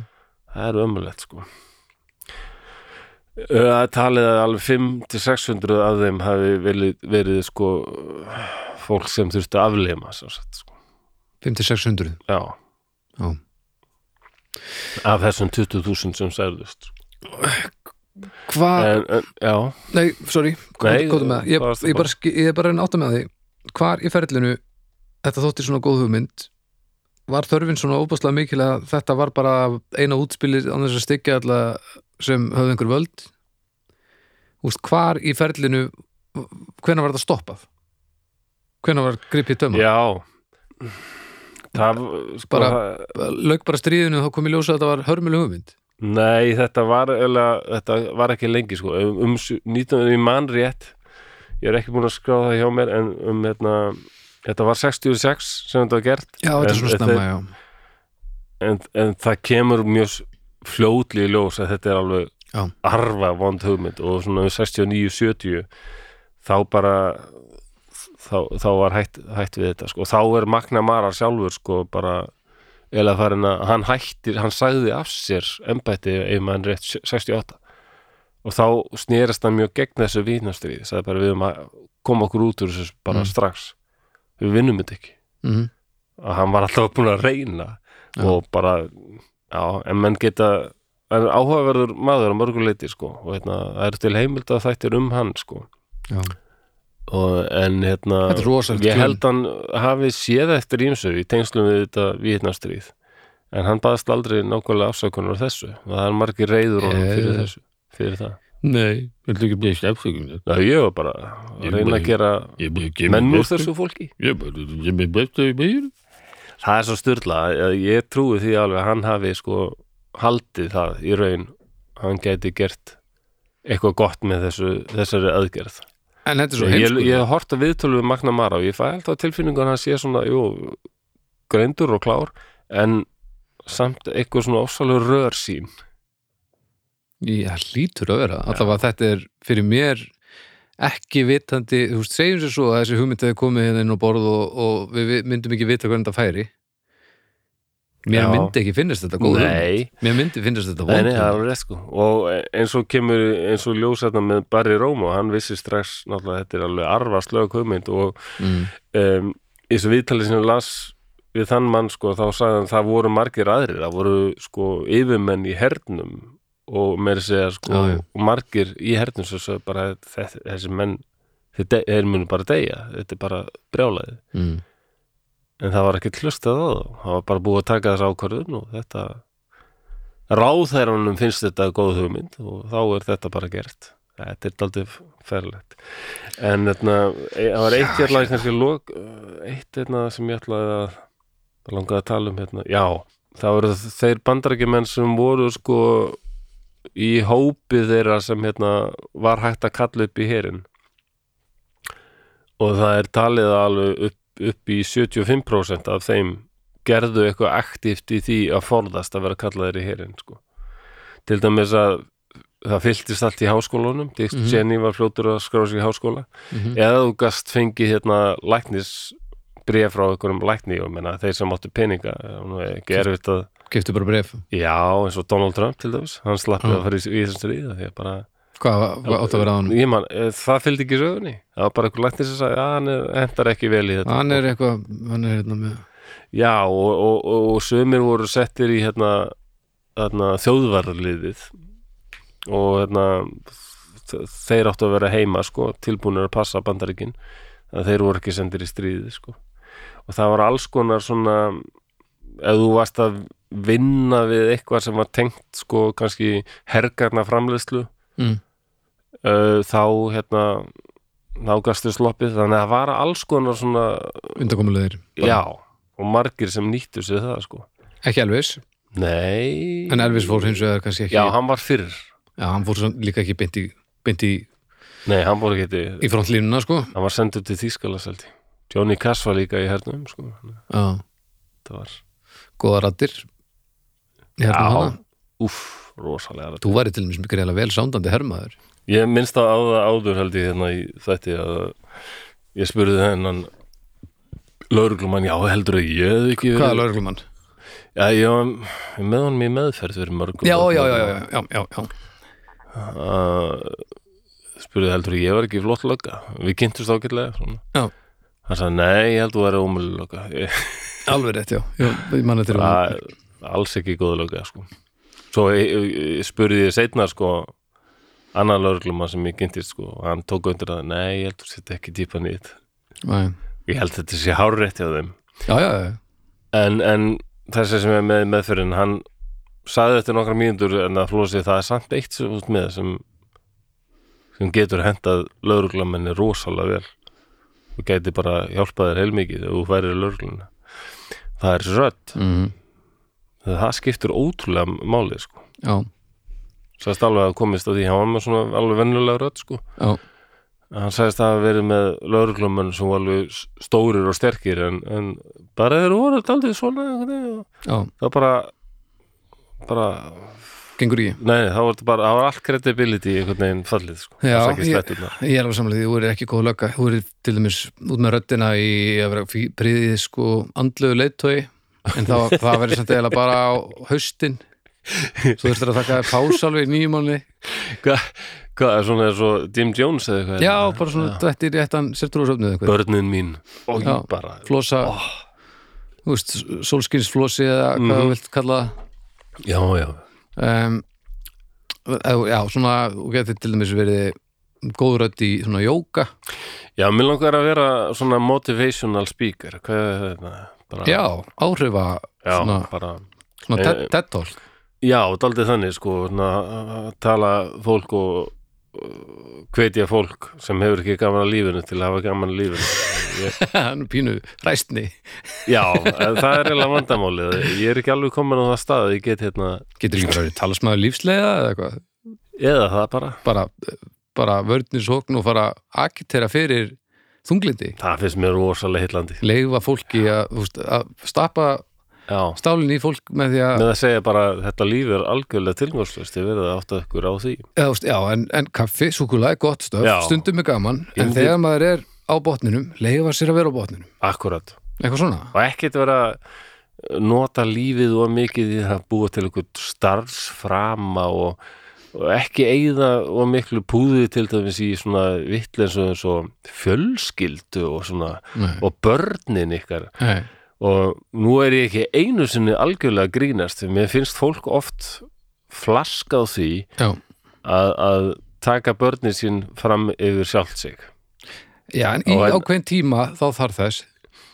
Já, það þarf samt ég myndi samt fara varlið þetta. Ég myndi ég að kynst fólki sem er eitthvað voðalega upptekið því að það er að fórta sér svo mikið fyrir börnin. Já, og einhversi eigða sínum bestu árundaldið.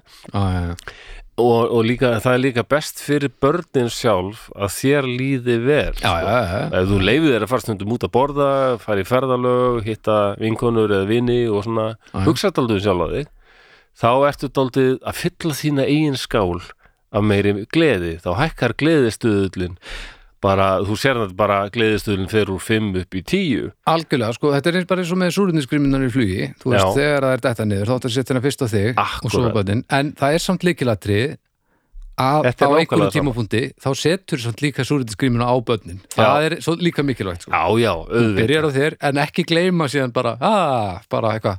Nei, nei, nei, það, það er og- náttúrulega bara það er bara já, já, sort. já, já, bara, bara ég svo er að tala um þetta fólk sem er svo upptekið af börnunum sínum að það gleymir að lifa sjálf já, sumir náttúrulega eru með, bönnið þeirra eru áhugamálið þeirra, númer 1, 2 og 3 Já, ok, og ég get ekki sett mér þau spór en ég get ekki, og þar alveg get ég ekki dæmt það, þú veist. Nei. En ég held að það muni koma sér best fyrir dætur mínar að ég mitt haldi áfram að gera það sem ég veist skemmtilegt. Og blessunulega þá finn ég hjá mér að ég vil eigða sem mestum tíma með þeim. Já, en ég myndi aldrei vilja hætta að gera það sem ég veist skemmtilegt. Nei, það er mikilvægt að gera það bara alls ekki. Það verður að svo gefa að finna Sko, gleðistuðlinn hækkar þá, þá gleði er nefnilega, hún er daldið eins og sólskinnið, eins og hvað? sólin. Nú, Já, hún, sko, fólk sem þú byrjar að geisla og senda frá þér orku eftir því sem gleðin hækkar, sko. Já, hún er daldið eins og sólin, það er bara fullt af geislum og hlýju og svona, og svona háan gleðistuðl þá bara geislar að þér og fólk sér vá, hún líður vel þessum gauður maður. Hann er að sjálfsána, hann er ánæður með sig og þetta börnin sérstaklega eru svona næm. Mm. höfður skinnið að það pappi er glaður og ánæður hvað mér finnst það frábært, yey mm. En Þú ef meina að gleðistuðlinn sólin sé bara svona glöð ef gleð Já, þetta er bara svona myndlíking En ekki svo- vera að líta á þetta En ekki, við förum ekki áfram með allt myndlíkinguna. og bóstaflega ef maður fer og nálat sólinni það er vandamál Já, sko. já, það er alveg rétt það meina, þá ertu Já. ekki horfa á pappa, þá eru blindur Það Veist, getur þetta er- farið það hátt að þú ert bara komin úr eðlir gleði yfir í ykkur maníska allsælu og þá, já. Já, þetta, þetta myndlíkingin virkar ennþá. Og ég held líka sko, ég, án eftir minn uppáhaldsbart að ef gleðistuðlinn fyrir niður fyrir budidibum. þá er, þá er ekki lengur sól þá erum við bara komið svartól Já, ægilegt svona undarlegt svartur massir sem sogar allt til sín. Mm, og þá líður fólki ítlaðinni nervir Já. Börnunum líka, skinni bara það er eitthvað mikið að pappa hún líður ekki vel, ég veit ekki okkur en alltaf það sé mér að kenna. Já. skilur þetta, þetta er ræðilegt Ég, ég skil hvort að fara, hún misti mig aðeins þarna því að svartól og, og sól eh, hafa enga beinatengingu í alvörunni í heiminum þannig að hún misti mig aðeins þar sko. Menn þetta er bara myndlíking. Ég, ég veit það, ég veit það er og að senda mitt börn í stríð. Já, já, já, ég, skil, ég skil, ég er að gera mitt besta. Já, þetta er svona kulnu, kulnustjarna getum við kannski sæst á það? Betu, dóttiðin Lilja, hún er að vera þryggjára, það ekki? Jú. Hún kann ekki að reyma, Reyma? eða skrifa, eða lesa. Nei, nei, nei Guð minn góður maður. Var Lilja myndi hvað standa sig vel í frúskoðunum í Vietnam, haldandi og M16 völbissu.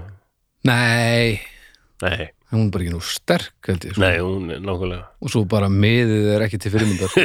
það, það er nú bara þannig Já, Kænska, við hún bara við hún sem erum með þokkalega grein, sko, myndum líklega báðu tveiri ekkit vera góður í stríði, sko, Hún- þá ímyndaði Já. hvernig þessi menn hafa verið. Þetta er svo, er, er svo mikil ílska og mannvonska og bara, þetta er hræðilegt dæmi. Þetta, þessi svo kallaða bjánadeild þetta er bara eitt af nöturlegasta og, og bara svona hrottalegt já, þetta er það þessi tvö orð, lýsingar orð er mjög góð, nöturlegt og hróttalegt mm. Ógið já, en ég hef ekki meira um þetta. Nei, þetta var áhugavert og algjörlega fullkomlega fokking ömulegt er það ekki? Jú, Já, og við skulum vona að þetta sé um, einn af þessum hlutum í mannkynnsögunni sem þurfi ekki að endurtaka sig en því miður þá vitum við að það verður ekki Þetta er potið búið að endurtaka sig náttúrulega. Æ, já, allir það ekki. Jú, jú, jú, jú þetta, þetta er allt svona. Heimurinn er alveg hvað hörmulegur Já, ég ekki að sjá um þessa hlið mála Jú, en ég meina, maður lítur nú að smit þungliti Já. smitandi, sko. Já, svartólið, sko. Svartólið smitandi. Svo er til í sín maður, ég er komin á nálættir Já, þeir sem er konum með gleðistuðul fyrir, eða hann er komin í mínus, sko. Mm. Það svartólið er svo öflugt að það, það getur, sko það soga til sín gleði annara Já, já, já, já, Þannig að ef þú ert mikið með manni sem er mínus 5 Já. gleðistuðul þá getur þú alveg hrunnið úr 5 niður í 0 já. Já, það er bara orðið. Þetta, Ég held að þetta, er, þetta er kerfi sem ég vissi ekki af. Nei, ég var líka bara búið til Já, ég með þetta meikar alveg senn, sko. Ég vissi bara ekki að þetta væri svona föstum skorðum, sko. Þetta er nú í öllum svona sjálfsjálfar bókum eitthvað að þú fyllir ah, sál þín af gleði og sól þá gistlast þú sem sjálin sjálf? Sjálfsjálfa bækur, hálfvitar. Óþólandi Paldið tíu miljónir, nei, tíu miljardar dollara held ég sem sá bransi veltir 10-15 miljardar dollara. Hann og Magna, þessi búið að veltir á ári hverju? ala upp heilu kynnslóðunar hann að þeim líði ekki eins og þeir séu nóg og heimurinn séu nógu góður og svo er að blóðmjólka í kjölfærið með því að reyna að stoppa í þessi gött sem er búið að höggva í þau Ég segi ekki örgulega list. kannski 2% af þessum bókum geta alveg verið gaglegar og hjálplegar held ég. Já, en það er eitt ekki að þurfa að vera það. Nei, í raun ekki. Vandamáli liggur framar. Vandamáli liggur hvernig grunnlögnin er lögð, þú veist hvernig þetta er lagt. All right. Þetta á ekki, þú, þér á ekki að líða eins og þú sérst ekki nóg. Það er eitthvað að í grunnforritunni á mannskefninu eins og staðan er í dag Já, um, nóg í hvað? Hvað er verið, að- er miða við hérna? það er, eru ykkur utan að koma til þrýstingur sko. já, það er þessi öskrandi stanslega þetta, þessi pressa fyrir tilgang Já, það er vandamálið að þetta verði alltaf að hafa æðri tilgang og maður verði að, að spila rulluna og vera hetjan og Já. þetta er bara þvæla hann hann Halldór Armand Áskersson, mér finnst það skemmtilegur, hann var gátt bók fyrir, núna fyrir jólinn sem það er endalega að skoða. En hann var einmitt að tala um þetta að bara fólk það er ekkert að því að vera aldrei týndur í lífinu. Það er kannski getur mjög mikilvægur staður að vera á sko. Líti í kringu sig, átta sig að þess og bara leða sér að vera smá týndur. Ég veit ekki alveg hvað ég vil gera en Æ, en ekki fyllast einhvern kvíð og, og hjálp ég verð að fara að finna mér tilgang finna mér starfsframa og feril það gleymist líka að allt þetta sem við erum að díla við allt sem að spannar áhyggjur okkar og, og, og vinsluminni alla daga. Við erum stanslöst að bregðast við manngerðum vandamálum. Já, þetta er allt saman, þetta form sem við búum í þetta samfélag og Já. það sem við erum að sækjast eftir í lífinu sem ég er búin að til dæmis gangast við að vera partur af þetta er allt saman manngert, þetta er ekki sniðið að mannskeppninu fyrir það sem hún er heldur þetta er það sem að við þetta er bara það sem er búið að ákveða okkur eigi að finnast við þurfa. Og Já. þar liggur vandamáli að því að það er ekki nema bara ekki stór hluti sem á sens í að passa inn í það form. Já, já, það er alveg rétt. Og samt talað eins og alla eins og þú eigir að passa inn í þetta og ef þú passar ekki inn í þetta þá sé eitthvað að þér já, af því að kerfið lítur að vera í lagi. Það er það, þetta áður mjög margt. Þarna hrinur þetta fyrir mér sko. Alveg svo stereotýpur til dæmis. Mér til dæmis að bara karlmenn settir í rosalega þröngt stereotýpu form veginn, ég hef aldrei þólað þetta form veginn, maður hefur að vera rosalegur handyman, geta lagað allt og hérna, já, já, já. ekki sína neina tilfinningar og bara ég, ég hef alltaf hatað þessa stereotýpu, ég nenni ekki að vera svona karlmaður, ég er með tilfinningar ég er ekkert góður í höndunum og ég bara, bara ásett mér þann rétt til að vera veikjaðja og, og tilfinningarnæmur ég nenni þessu geta sko. það ekki Nei, það er bara flott sko. já, þetta er, já þetta er, þetta er það er endalustur að þrengjaða manni og segja mann að þetta sé nú að vera svona, þetta sé eðlilegt og ekkert á þessu við neynir okkar stiðjast í alvörinu Já, við erum bara miklu fjölhæfari, fjölbreyttari og áhugaverðari og litríkari. Já, bara það er svo gjössanlega búið að aftengja okkur náttúrunni, úst, við hugsum ekki um okkur sem dýrategund, Já, við hugsum um okkur sem sko já, eigendur og verndar af plánutunar og þetta já, er bara einmitt. þetta er orðið svo klaufalegt við erum með svo mikið við erum, við erum einmitt þryggjára bann með mikil Já. sko brjálaði Hvað róki er það eins og hérna jörðin búin að vera til í miljarda ára eitthvað hérna áður en mannkiði kemur til? Já, já, bara við horfum á Kosmos hérna með honum Neil deGrasse Tyson. Mm. og hann tók einmitt sko hann, hann sagði við ættum að ímynda okkur að Big Bang þegar allt hófst sko Já. að það væri til dæmis á klukkan 12 á nýju ári sko. Já, Big Bang og, svo hvar værum við sem sagt ef tíminn frá Big Bang væri eins og eitt ár mm, Varstu hvað það var? Það var svona, við erum 15 sekundur í miðnætti næsta gamla skvöld. já, Það er svona langur tími sko, jörðin búin að vera til og heimurinn já óbúslega lengi sko. Villi vitnaði mitt í þetta líka í nehættinu alveg um daginn að ef að heimurinn væri fótboltavöllur þá væri við fyrsta stráið. Já, nákvæmlega. Þetta er, er sa samanlegging og þetta er svo mikil þróki að halda að þetta sé allt snúðust allt um okkur og, hérna, og Já, verdarar plánettunar. og djöfursi stónaskapur er þetta að Plánettan- þröngu af fólki sem að hendar ekki inn í þennan, þetta, þetta leikrit sem er búið að búa til sem við köllum daglegt líf. Já, og það stannstustur að segja fólki að það verði að lagast svo það verði eðlilegt svo það passi inn í þetta já, já. það er ekkert eðlilegt við að passa inn í þetta það er nákvæmlega ekki neitt eðlilegt við það En samt er, eru hlutirnir að skána, finnst mér. Finnst þetta minga. Þessar stereotýpur falla og það er minni pressa fólki að það verði alltaf að vera steift í eitthvað svona einfalt og, og sama mótið. Ef þú bara Já, tilbaka já, já. 30-40 ára, þá sérðu það er ekkit svo mi- mikið sem að sækjast eftir þar. Næ, Horfður að sjóma sættilega spækur frá þessum tíma og maður, að stingum mann oft sko hvernig þið talað um fólk af öðrum litarhætti, hvernig þið talað um konur og svona. Já, og það er gott að það stingi okkur. Algjörlega. Við Já, bara, hei, ok, sko. wow þetta, þetta þetta er ekki alveg í lagi. Eins og þetta var hérna árið 1980 þannig að ég, ég held að við séum þráttur og allt ég, já, er ég er, og ég er ekki aðgættir að fyrir því að við rífum okkur öllu föttunum og hlöpum í ESU sko. nú er Við- ég búin að eða líka allt af því að nú er stóra leyndamálið komið út sko að ég er í raun bjarsinn Já, þú mennar ah, og hef trú á mannkynunum maður. já, ég, að því, ég, mér sýnist bara allt vera Já, þetta er að eins og laga við nú talaðum. Mér finnst þetta með svona ungt fólk í dag ég held bara, betra. Wow, hvað þetta, já. Já, eins og síðan bara að ég fer á tónleika. Að þetta var alltaf bara eitthvað rosa fyllir í ég sá upptöku nýlega. Um hamtónleikum árið 1989 og ég var bara hvað er að þessu liði? Það er bara allir okkur fyllir í og bara, Ég ætla þetta er bara um svona bjánalegt ætla eitthvað. nú að byggja um að vera kannski þetta drullið fyllir í hérna. Nei, Þetta líka- þetta, var líka svona, þáttur, sko. en núna fer á tónleika og það eru bara það er tónleika, fólk er að fylgjast með músík tón, tónlistinu og það er ekki allir að einbyttu sig að því bara vera Já, ég. og tónleikarnir hefjast klukkan tíu ekki klukkan hálf eitt eftir miðnætti eins og var vaninn hérna Já, já, já, já. já, já. en hvað var þetta að ríða sig úr öllum fötunum og æða upp á Já, Esju? ég, ég sérst ekki að agitera fyrir því að við förum aftur fyrir samfélag sko.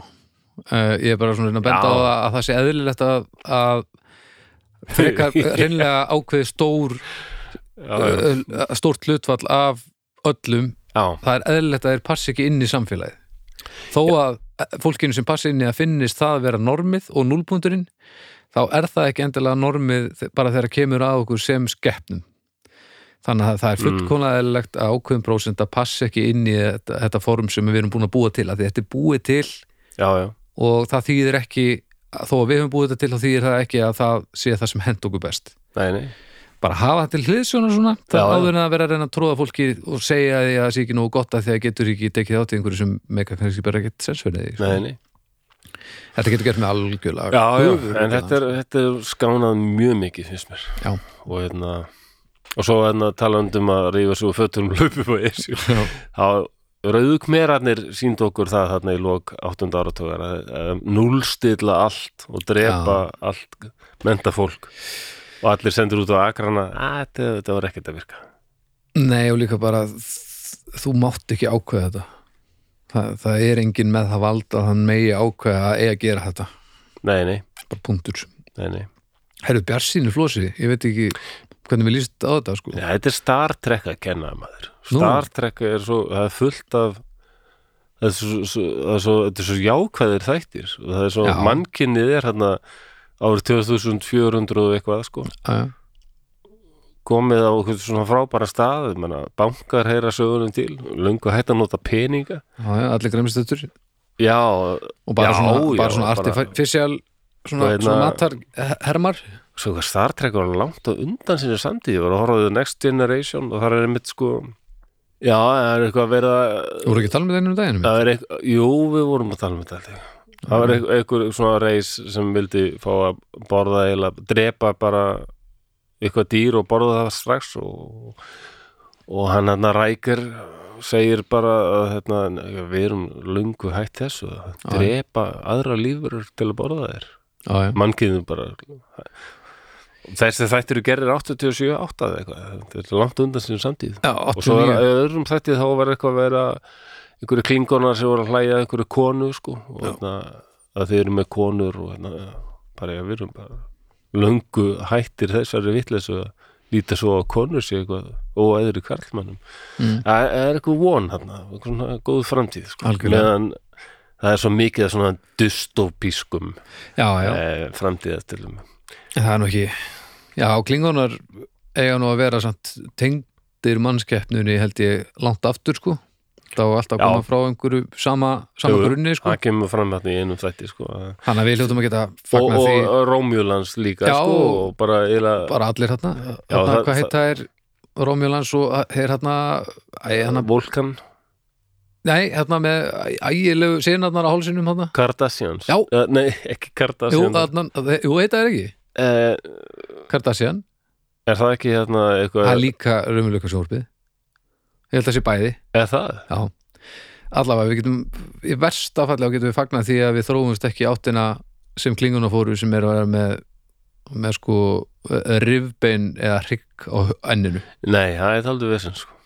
þú er reyndar fýtt klingunni. Þú ert með svona ert með, nú þegar með hárgreisluna það vantar bara hryggin Já, ég fíla það nú Það er líklega svona mi- mitt upp á slið sko. klinguna, Star Trek, já út með röddina líka Þetta er flottast sko. en þegar að kæmi að þessum hérna, ritualum sem þau þurfa að gera eitthvað skera sem er nýf og Já, það er aldrei rosalegt eitthvað skalla hvort annað og eitthvað þú myndir ekki höndla það vel heldur. Nei, nei, en það kemur ljós að þetta er svona þeir eru að sníða sjálfum sér oft þröngan stakk með þessum hefðum og ritualum og. Já, þetta er alveg bast sko Já, en svo fannst mér tóltið fyndið að hérna að voru nokkað að tala um Lord of the Rings mm.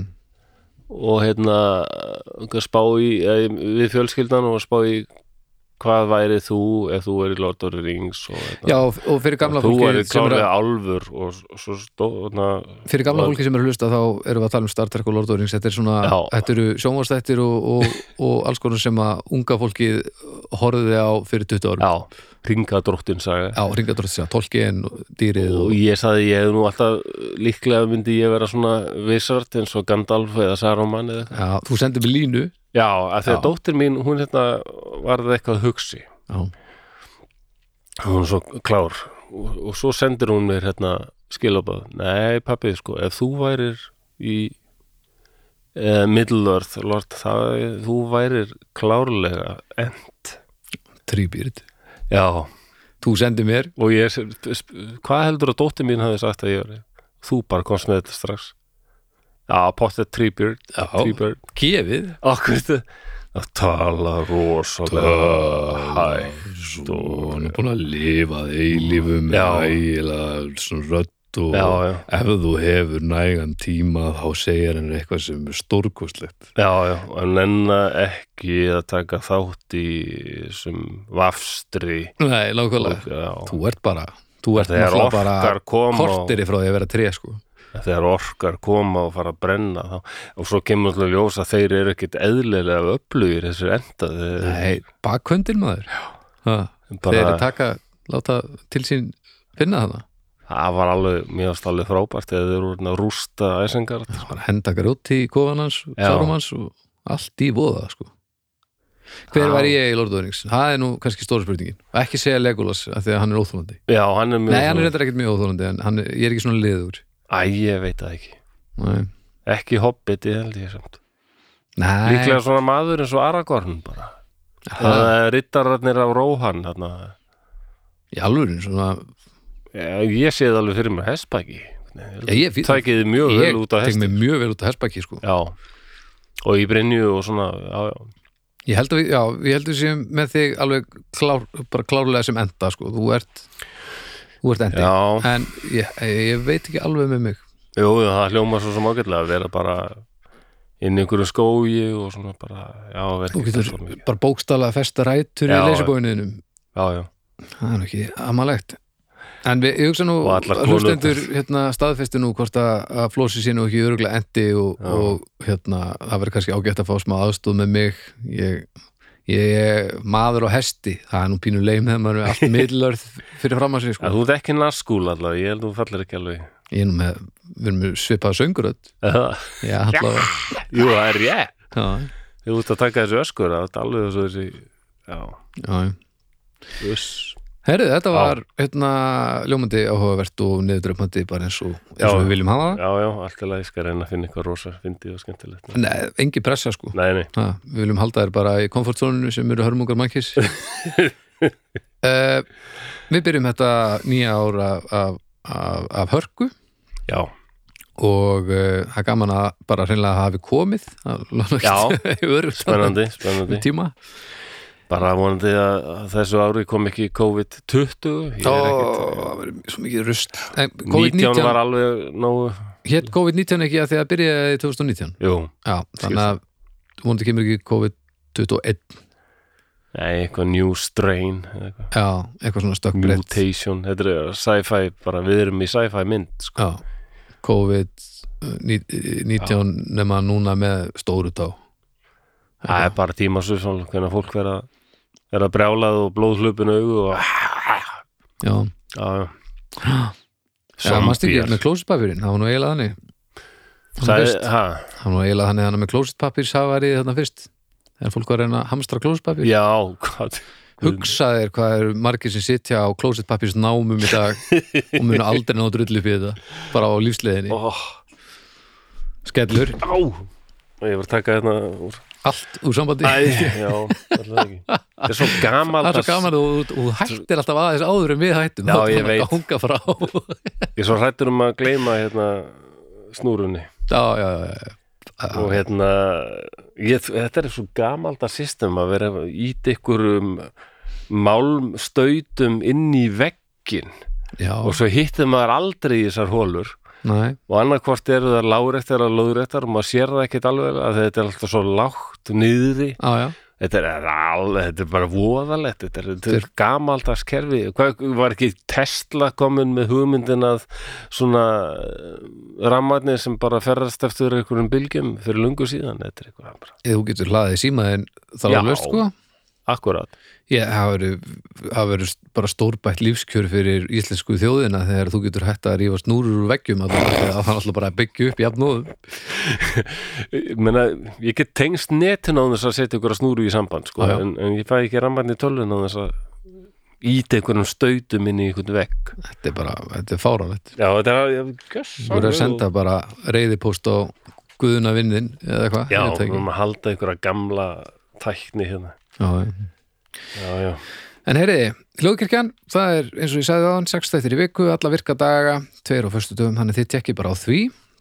Við erum að svolítið þakka hérna Borgu og Bríó fyrir uh, að standa í þessu með okkur. já, Út búin Algjörlega. með þinn sleiki já, ég var með fróðisleiki sem ég bara enn og aftur mæli indrið með Já. frábær og ég hérna- jólabjór en það er nú ennþá það er nú ennþá, ég held að þessi þáttur sé komin í loftið þá er nú þrettándin ekki komin kannski? Nei, Já. Nei, Ha, nei. Þannig að vonandi er hann ennþá til í búðum einhver staðar, annars verðið þið bara að setjast niður og býða í ár og þá getið þið vonandi kemur hann aftur, ég rekna nú með því með hvað hann sló mikið í gegn.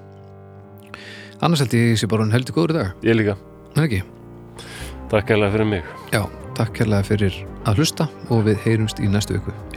Heyrumst að viku liðinni